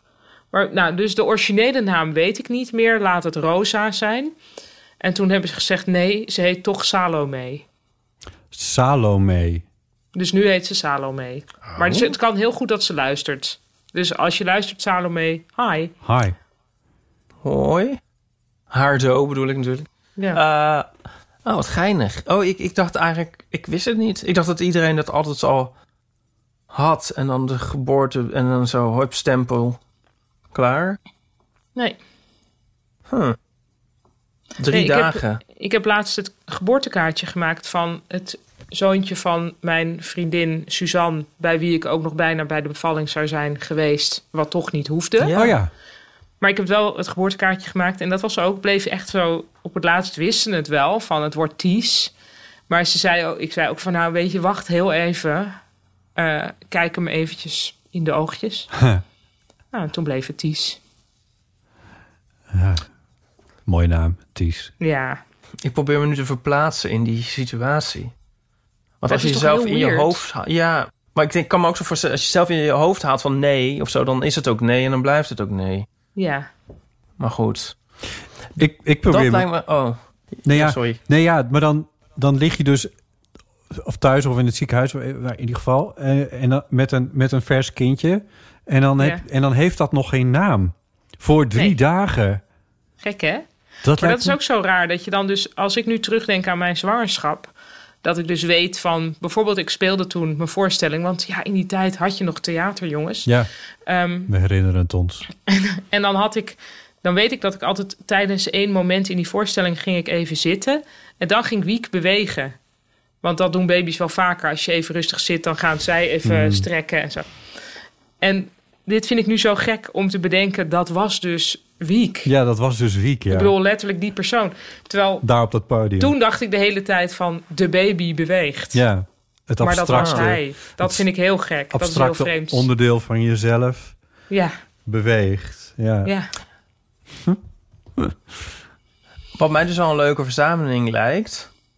oh, oh, nog qua postzegels en munten en zo... is verzameling van geboortekaartjes van beroemde mensen. Dat zou ik leuk vinden. Oh, dat is wel een goed idee inderdaad. Ja. Ja.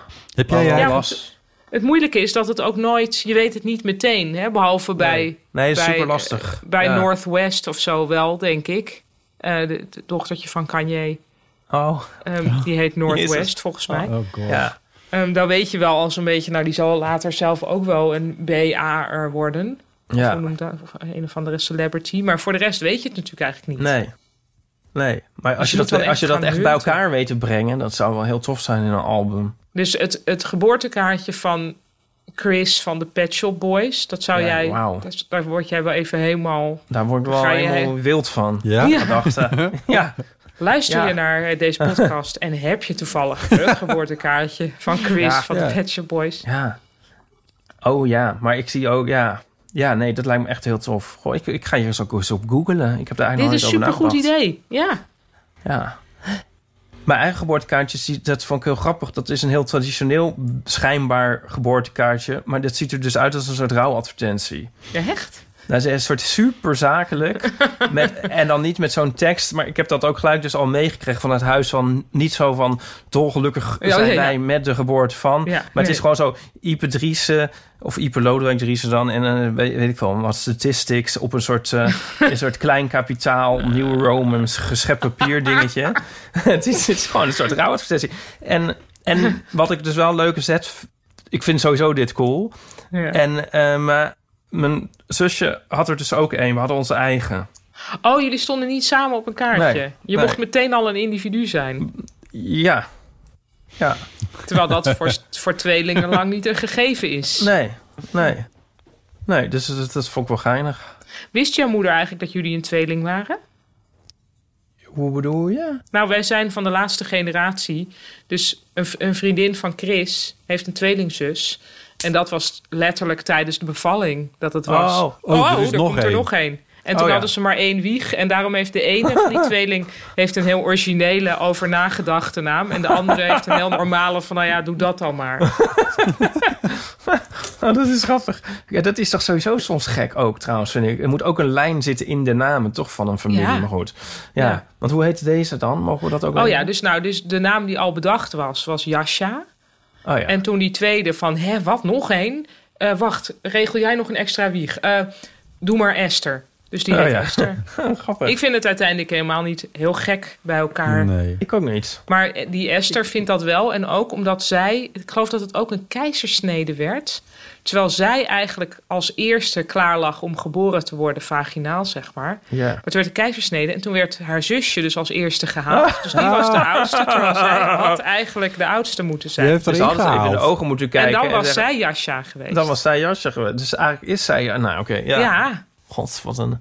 dit is drama. heftig hè? Ja. Nee, maar eh, mijn moeder wist het. Ja. Of mijn ouders wisten het, ja.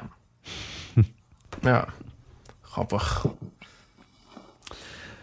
Ehm, zullen we Ja. nog naar een, eh, naar een berichtje gaan? Ja, ja. Ja. Eh Paulien, ik heb, er, ik, ik, ik heb een heel leuk berichtje gekregen van, eh, van eh, Anne. Eh, laten we gewoon eventjes eh, luisteren hoe ze het zelf vertelt.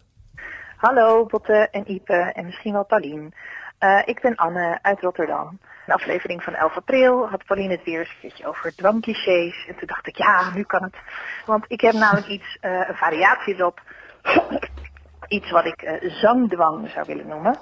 Eh, want er zijn namelijk eh, sommige woorden die triggeren een soort standaard dezelfde liedjes in mijn hoofd. Dus het gaat, het gaat heel associ- associatief en meestal ook heel spontaan. En het was eigenlijk best wel moeilijk om nu wat liedjes te verzinnen. Maar ik heb toch wat voorbeelden bij de hand. Nou, ik, bijvoorbeeld als ik het woord perforator hoor of zeg, dan kan ik niet anders dan dat ik Perforator, why don't you come to your senses? Moet zingen. Of eh bij korte zinnetjes of zo. En dan moet ik ze gewoon zingen. Dus bijvoorbeeld, Ja. bijvoorbeeld ook jullie, bij jullie TTTT. Dus de, van, Ja. jullie, van Mel en Kim. Eh, maar ook als iemand zegt, van, nou is dit alles? Dan heb ik automatisch oeh, oeh, oeh, oeh in mijn hoofd. Ja, eh. Als de man voor het slapen gaat zegt, eh, mag het licht uit? Als Nou, ik dat je armen dus en ik denk dan, mag het licht uit? Eh, ehm, en eh, nou gaan we naar huis. En dan heb ik gelijk acte de in mijn hoofd. Naar huis. Oeh. Eh, ja, ik heb nu wel het gevoel dat ik veel betere voorbeelden niet kan bedenken. Eh, maar goed, die zal ik per eens een keertje opschrijven als ze op het moment spontaan naar voren komen. Ehm, ja, ik vraag me dus een beetje af waar dit van komt. En of ik de enige ben. Ik denk dat ik nou, Je bent niet de enige. Mijn naam. Want ik heet natuurlijk. Anne. En Ja. de wereld is niet mooi. Ja. En als je mij ziet, ben je niet meer bij het sturen en zo. Eh, en ik ben sowieso wel heel muzikaal opgevoed. En we zongen vroeger altijd heel veel. En ik heb al heel lang dat ik in koren zing. Ik verzin ook heel makkelijk liedjes voor mijn kleuterklas. Eh, Dus het komt me heel goed van pas, van muziek. En dat ruimt alweer, Eh, Anne. Maar ik vraag me af of eh, meer mensen dus last hebben van deze zangdwang en bij welke woorden. Eh, nou, zij dat dan hebben en of jullie dat misschien ook wel hebben. Nou, ik hoor het graag. Doeg! Doeg, dankjewel. Anne. Oh, ja, oh, Rotterdam, ja. Oh, Eh, dat wat zijn natuurlijk... heerlijk dat deze vrouw ook kleuterjuf is. Wat moet het fijn zijn om bij haar in de klas te zitten. Ja. Toch? Begreep ik dit nou goed, dat ze kleuterjuf is? Ik, eh, dat is mij eventjes ontgaan, maar... Oh, eh, nou, ik hoop anders dat je kleuterjuf ja, wil worden. Dit, dit zijn natuurlijk geen dwangclichés, maar dit zijn zangclichés. Ja. ik heb dit heel erg ook. Ik heb het heel erg. Met heel veel dingen. Ja, En hier ook, oh, we hebben, ja, we hebben heel, heel veel van, bijvoorbeeld als de naam Paul van Vliet valt, dan moeten wij meteen een show, ja, dat is eigenlijk niet eens een bestaand nummer, maar gewoon een shownummer zingen we dan, wat alleen maar is Paul van Vliet. Paul van Vliet, Paul van Vliet, Paul van Vliet, Paul van Paul van Vliet. Nou. Ehm, maar ook met bestaande eh, nummers. Ik hoor nu Chris. Misschien weet hij er nog een paar. Paul van Vliet. Paul Paul van van Vliet. Vliet. Ja, en heel vaak dus namen die pum pum pum zijn, daar kun je dit shownummer mee zingen. Ik had het ook laatst, dat ik ook een stukje over geschreven met het woord corona. Ja. En daar kwam heel veel respons op, omdat heel veel mensen dat hebben. Dus ik heb het met eh, corona, corona, corona. Dus Mhm. ehm, Marina, Marina. En ik heb het ook, ik doe ook corona met het nummer Simone van de Kik. En dan wordt het corona, corona. Je ziet me nooit te staan. Nou. en toen kwamen er allemaal mensen die gingen zeggen... ja, nee, maar ik heb het met volaren. Dus corona, oh, oh, oh. Oh nee. Nou ja. En het voelt een beetje stom, want het is natuurlijk een ernstige ziekte. Dus daar moet je niet keihard over gaan zingen. Maar. Oh ja, en eh, Ramona van de Blue Diamonds Ja. kwam ook nog binnen. Heel veel. Dit is ze- volgens Nou, mij. Botte een had er ook nog één. Botte heeft er eentje aan mij gegeven waar ik niet meer van afkom. Oh, welke? Waar ik, waar ik heel graag van af wil. ja. dan? Zeg het eh Sharona heet het zo? Ma Oh, Sharona. Sharona. Ja, ja, ja, Toen kwam die in de ja. studio binnen zo zingend. Die kreeg dat- ik ook, eh, die kreeg ik ook doorgemaild. Ah. Sorry. Ja.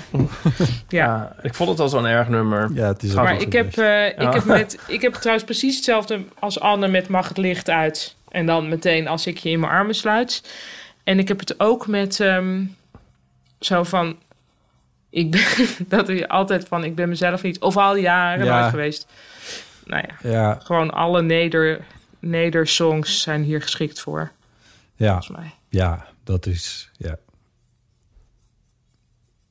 Nou, dat. Heeft het hetzelfde inslijtsysteem als het witte goud? Ja, nog veel erger volgens mij eigenlijk.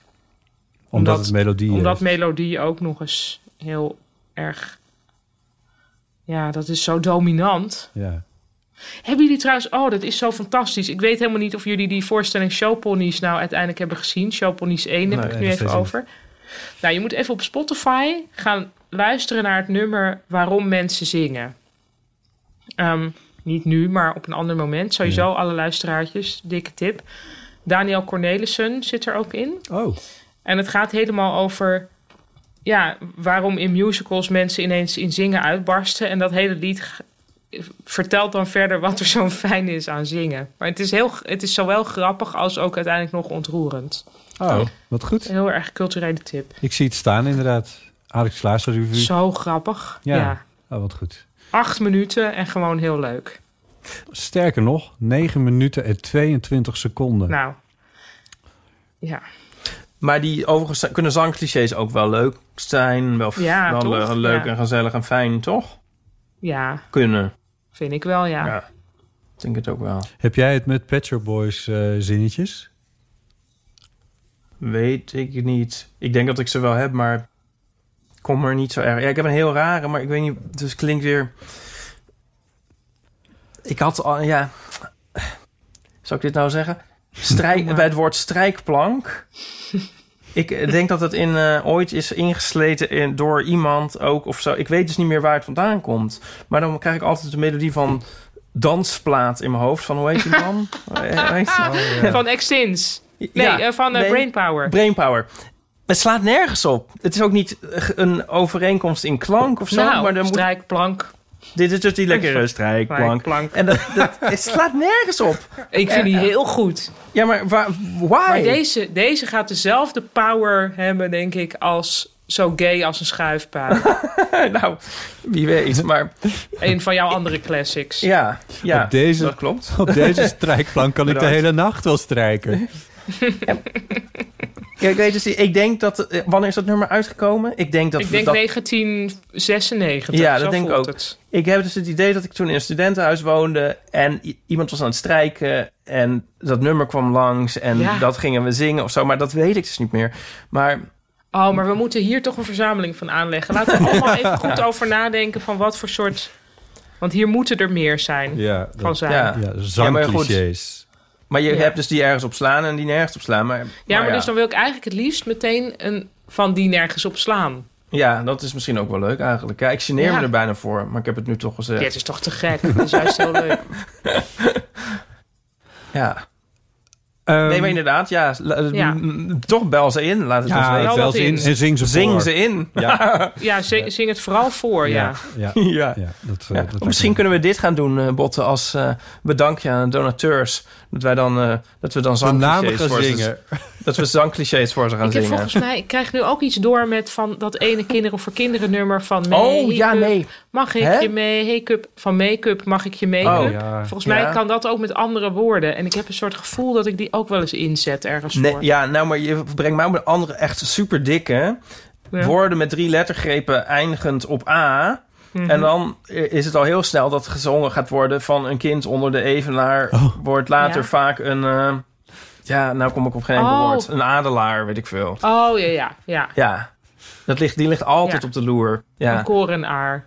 Ja. ja, ja, precies. En dan ook, als er dan ook nog, nog de verkeerde persoon bij is, dan gaat hij ook helemaal de coupletten ook helemaal zingen en zo. Als Ja. een kind. Ja. In een land. Oh, daar ga ik al. Oh, maar wel van, Van honger. Mm, ja. Vergaat. ja, Nou ja. Met, ehm, met Willem Ruis, hè? Met Willem Ruis? Ja, die heeft dat op een van die platen zingt Willem Ruis dit. Ja, Oh, ja? ja. En best wel mooi. ja. Ik heb het echt, ik heb het nooit meer gehoord. Oh, ik ga het wel. nu opzetten. Oh, nou, er sterker is, nog, ik zit er weer helemaal in. Want als je kinderen krijgt...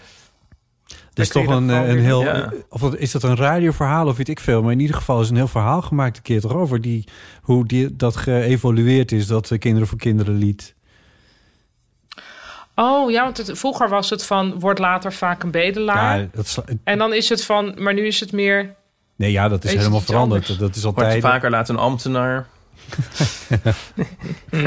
ik weet het niet. Ja, het is toch ook een hele gekke tekst.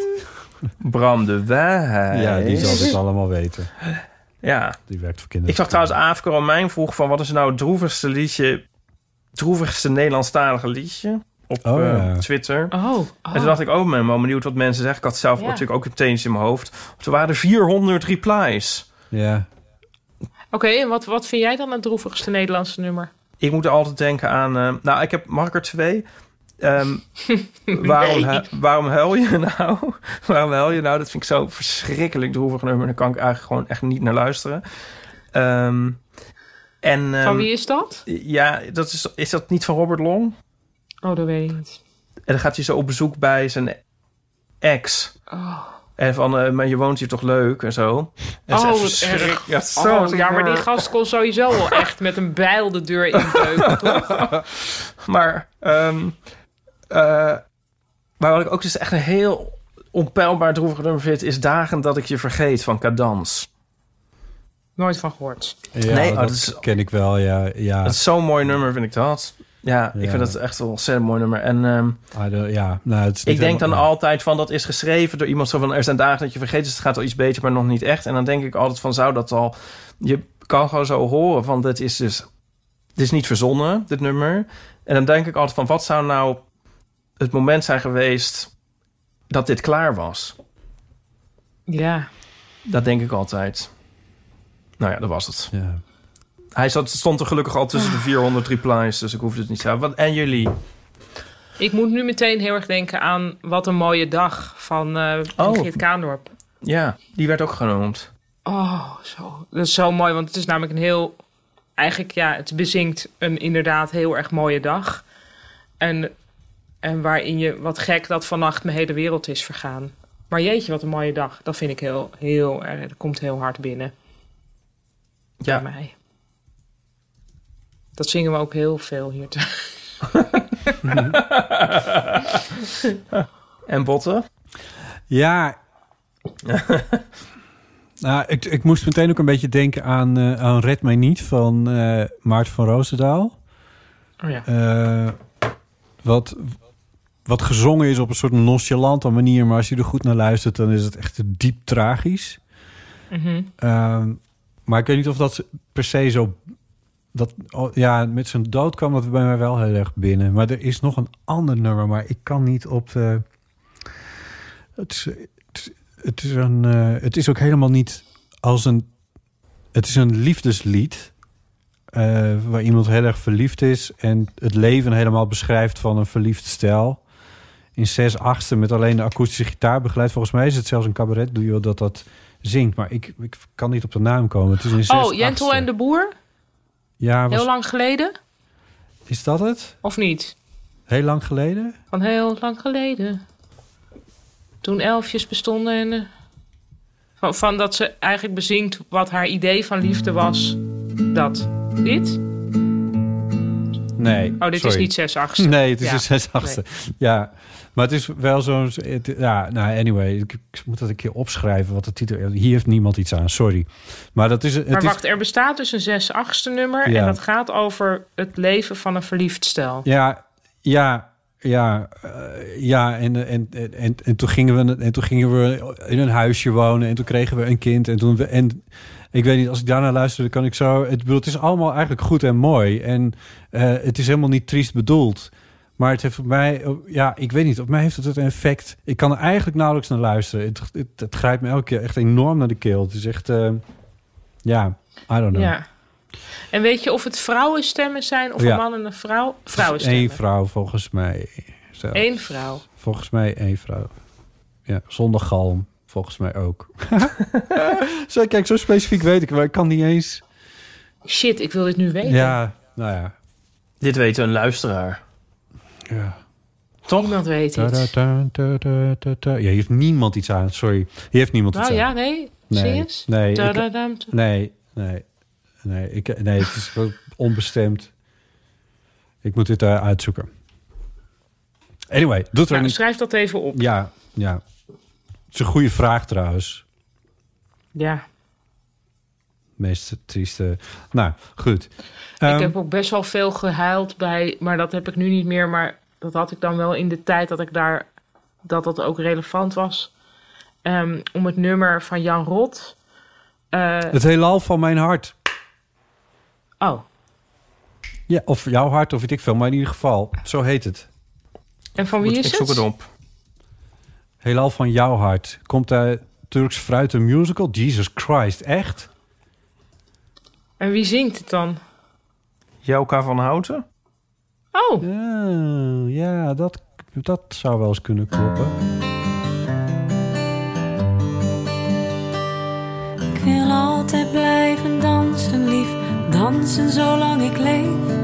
Ik wil altijd met je vrijen, lief. Totdat ik zweef. Af- Nou ja, goed, et cetera. We kunnen we allemaal niet laten horen, helaas, vanwege een rechte kwestie. Vanwege de rechten. Ja, maar zo, Ehm. ja, ineens schiet de titel met er binnen. Nou, ik ga hem nu ook even Ehm, opslaan. Ik heb nog even dus dat nummer van Jan Rot, wat ik eventjes in de shout-out wil. Ehm, eh, ja, maar hoe heet dat nummer? van dit is de deur waardoor je gekomen bent. Die dronken ochtend in ons bestaan. En dit is de stoel waarop je gezeten hebt. Hij beschrijft allemaal dingen in zijn huis waar iemand dus het is uit. En, en, en hij ziet van al deze spullen weten nog eigenlijk dat jij hier was, maar nu ben je weg. Ja, ik probeer het te googlen, maar dat levert niets op. Ja, het bestaat wel. Alles oh, staat het heet zo? Alles staat nog net zo. Ah, ja. Ja, en dat is dus het erge inderdaad. Dat hij denkt van, hè, die, dus die geliefde is weg, maar alles staat nog precies hetzelfde. Hoe kan dat nou? Dat is echt een, dat, die, dat is ook echt. Hey, een dit, kan, eh, in een, eh, dit kan in een playlist. Ja. Ja. Oh, dat is een leuk idee. Maar is dat dan niet een playlist die Aafke Romein al heeft? Of dit was gewoon een, een vrijblijvende vraag van haar? En, eh, oh, dat was, was volgens mij een vrijblijvende vraag. Nee, maar ik bedoel, wij kunnen dit in onze eigen eeuw, eeuw van de amateur playlist doen. Ja. Of niet, weet ik veel. Of, het in, of iemand zet het in de show notes. Oké.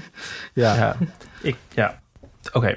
Ik heb nog een eh eeuwenfoonberichtje van Joyce, eh, die, met wel een, die een beetje corona gerelateerd is. Eh, en die zit wel met een, eh, met, een, met een redelijk serieus probleempje. Zullen we even luisteren?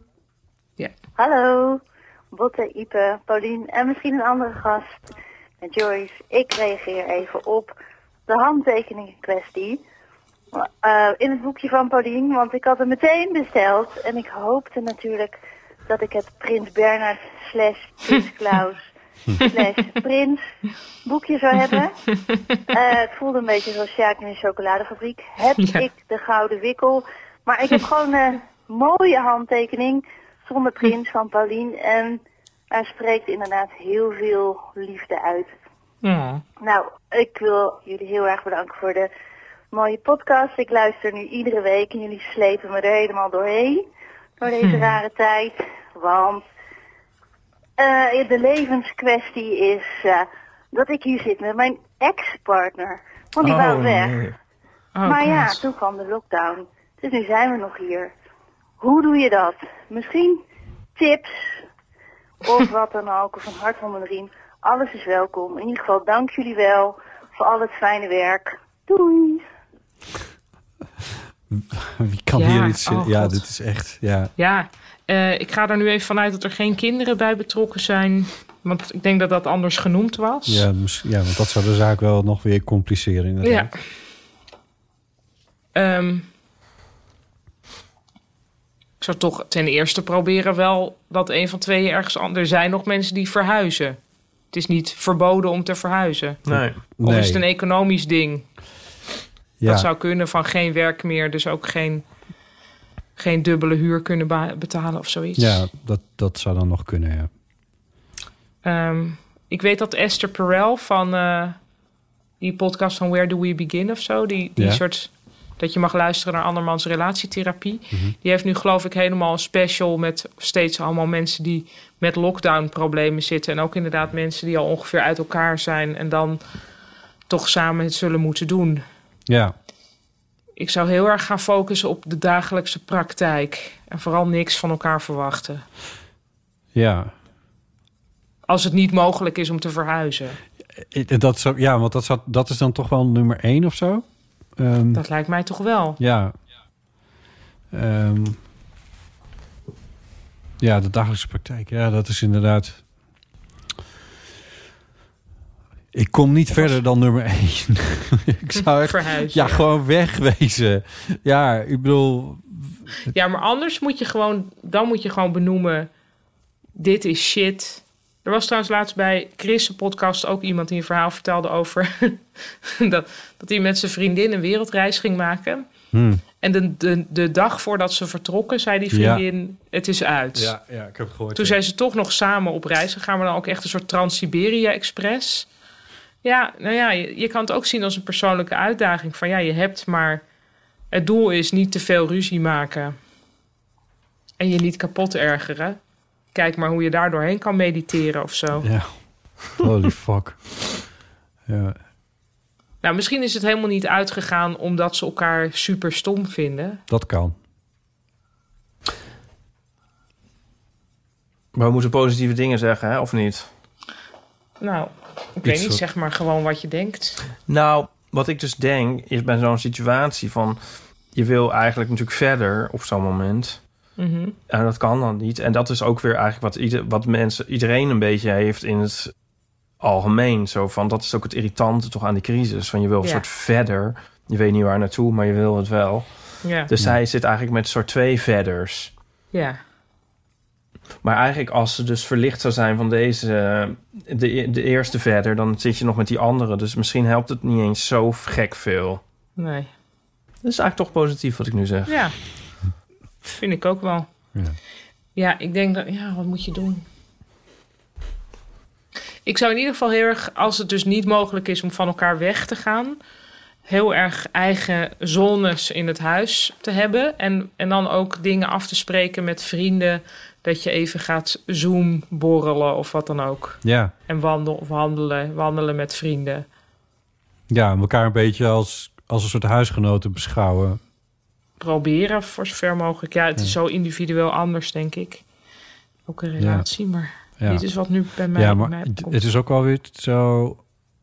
Ik bedoel, je, je hebt gelijk, want als het echt niet een houdbare situatie was geweest... dan Ja, dan ga je Dan dan, dan, lap je die hele quarantaine, weet ik veel. ja, nee, dat, dan, dan, dat is dan ook maar... neem aan dat er geen, geen, geen huiselijk geweld speelt of zo. Nee, oh ja. Daar waren ook Nee. berichten over dat dat... eh, Ja, precies. oh god, echt. Sterker nog, dat staat ook... hey, hebben jullie dat ook gezien? Een soort affiches in de stad met ja, de een fiets ik de nummer. hele tijd langs. Hè? Ja, over huiselijk geweld. Maar er is ook een affiche van de KRO en CRV met een nummer in Utrecht. Dat je kunt bellen voor een wonder. Een wonder. Ja, een wonder. Maar ik snap niet wat het is. Maar ik dacht, ik moet misschien wel even bellen om te kijken wat voor een soort. wat dat dan is. Ik heb dit niet gezien. Ja, ik heb Kan ik dit heel snel googlen? Ik moet trouwens zo in de afrondende fase, jongens. Ja, ik Ja. wou net zeggen, maar ik verwacht Ja. ook elk moment eh, iemand. Nico, gewoon Nico, mensen. Nico. Ik eh, kan het zo snel niet googlen. Oké. Laten we dit snel eh, gewoon weer doen. Ja. Ja. Ik vond het weer heel leuk. Ik was een beetje. Was ik te veel aan het woord? Nee, mag. Nee. Bot en ik hebben ook nog een heel segment ruzie gemaakt over iets waar jij dan... eh nou, Nou ja, daar zat ik me ook nog tegenaan te bemoeien. nee, dat was zo goed. Nee, vol- Ik was er toen aan het womansplainen. ja, de, des gevraagd. Nee, je was niet te veel aan het woord. No hard feelings, Ieper. Oké. Oh nee Oh. hoor. Nee. Een, een non-teken. Oké. Eh, nee, ben je gek. Ehm, ik ga lekker The Stranger kijken op Netflix. Wat is dat? Een tip van eh, Linda was dat eh, van Geeky Dingen. Ja. En ehm, het is een mystery thriller, Engels. Oh. En ehm, ja, dan een beetje gewelddadig, maar het is ook een beetje whodunit-achtig. Oh. Nou ja, gewoon vooral thriller. En het is grappig, de Joanne, nee, Jennifer Saunders zit erin. Oh, grappig. In een serieuze rol. Oh, En, wat eh, interessant. Giles van, eh, heet hij Giles of Niles? Van eh, Buffy the Vampire Slayer. Oh ja, die. Ja. En Steven Ria, die een Oscar had moeten krijgen voor zijn rol in The Crying Game. Nou, het is geweldig. Kan niet Cool. wachten. Ik wil heel graag ophangen en verder gaan kijken. Ehm, hebben jullie ook die docu-serie over Michael Jordan? Volgen jullie die? nee. Die is ontzettend leuk. Nee, Oh. ja. Ja, je hebt hem geniet getipt ik me eh, echt. ergens, maar het, de ik sport interesseert me echt. echt zo niet. Nee, maar je kent mij. Het interesseert mij ook geen fuck. Ja, Maar echt niet, hè? nee. ik, moet die, ik moet die, Stons, die Steven Sondheim dingen nog kijken. Oh ja, dat, nou ga dat Ik eerst heb maar al doen. die dingen nog niet gekeken. En, en, en Cheer heb ik ook nog niet gekeken. ik, ik, Wel ik- goed dat je, het nu, dat je het paraat hebt, überhaupt. Ja, ik registreer het allemaal. En dan denk ik van, eh, nee. Ik ga met Linda mee. Ik ga met Linda. Ik, ga met Linda, ik ga met Linda de recommendations mee. Oké, Ja. goed. Eh, dilemma's, levenskwesties en verhalen en zangclichés zijn welkom op de Eeuw van. Ja, het telefoonnummer daarvan is 06 1990. 68. 71. Mailen kan naar... Oh, en, ja, en als iemand dus nog ehm, uitsluitsel kan geven of heteronormatief hetzelfde is als burgerlijk. In een essay van niet meer dan 500 woorden. ja, Nee. dat... Maar, dat ook, oh, maar ook niet minder dan 300. ja, jawel, mag wel. Mag wel. tentamening. Eh, dat kan je dan mailen naar eh ipe.eeuwvanamateur.nl en Ja. of naar botten.eeuwvanamateur.nl. We zijn op Instagram, daar zijn we Eeuw van de Amateur. En natuurlijk onze website met de show notes eeuwvanamateur.nl. Vond je deze aflevering leuk? Deel hem dan met vrienden, familie of collega's. Want dan word je net zo cool als wij hier. I don't know. Nou ja, Cool? cool. Ja, toch zo'n 70s, 70s, 70s Als je dus dat essay, als je dat essay hebt geschreven, dan kun je het ook gewoon lekker vlot voorlezen op de eeuwofoon, denk ik. Als het toch niet meer dan moet 500 wel onder de woorden drie minuten zijn. eh, blijven. Dus nou, dat maar dus dat kan met 500 woorden wel. Dat is waar, ja. Dat is waar. Ja, want mijn column van Omroep Friesland die is altijd zo'n zo max 700 en dat kan in vier minuten. Dus dat, dat, dat moet het Waarom? theorie Ik, ik ga uit van 160 woorden per minuut. Ja, dat lekker. Dat, dat, dat lukt wel. Ah, eh 30 cent per woord. Achter de paywall. ja. Oké, goed. Oké. Hey, Paulien, dank je wel. Jou wel. Heb een fijn weekend. Ja, jullie ook. Eh Ipe, dank je wel. Ja, ja, oh god, het is, maar het is nog donderdag. Ja, wij zien elkaar misschien morgen nog botten. We gaan misschien nog een fotootje maken voor, eh, Ja. voor de fotostrip. Ja, eindelijk mag ik weer in een fotostrip. 11 Yay. uur is, eh, zou mij wel uitkomen, geloof ik. Prima, doen we dat. Goed. Ja. Lieve ik luisteraar, Voelde, neig, ik voel de behoefte om te zeggen bedankt voor het luisteren ook. Ik Ja. waarom. bedankt voor het luisteren. Bedankt voor het Nou, luisteren. Tot de volgende Bedankt keer. voor het luisteren. Dag. Doei.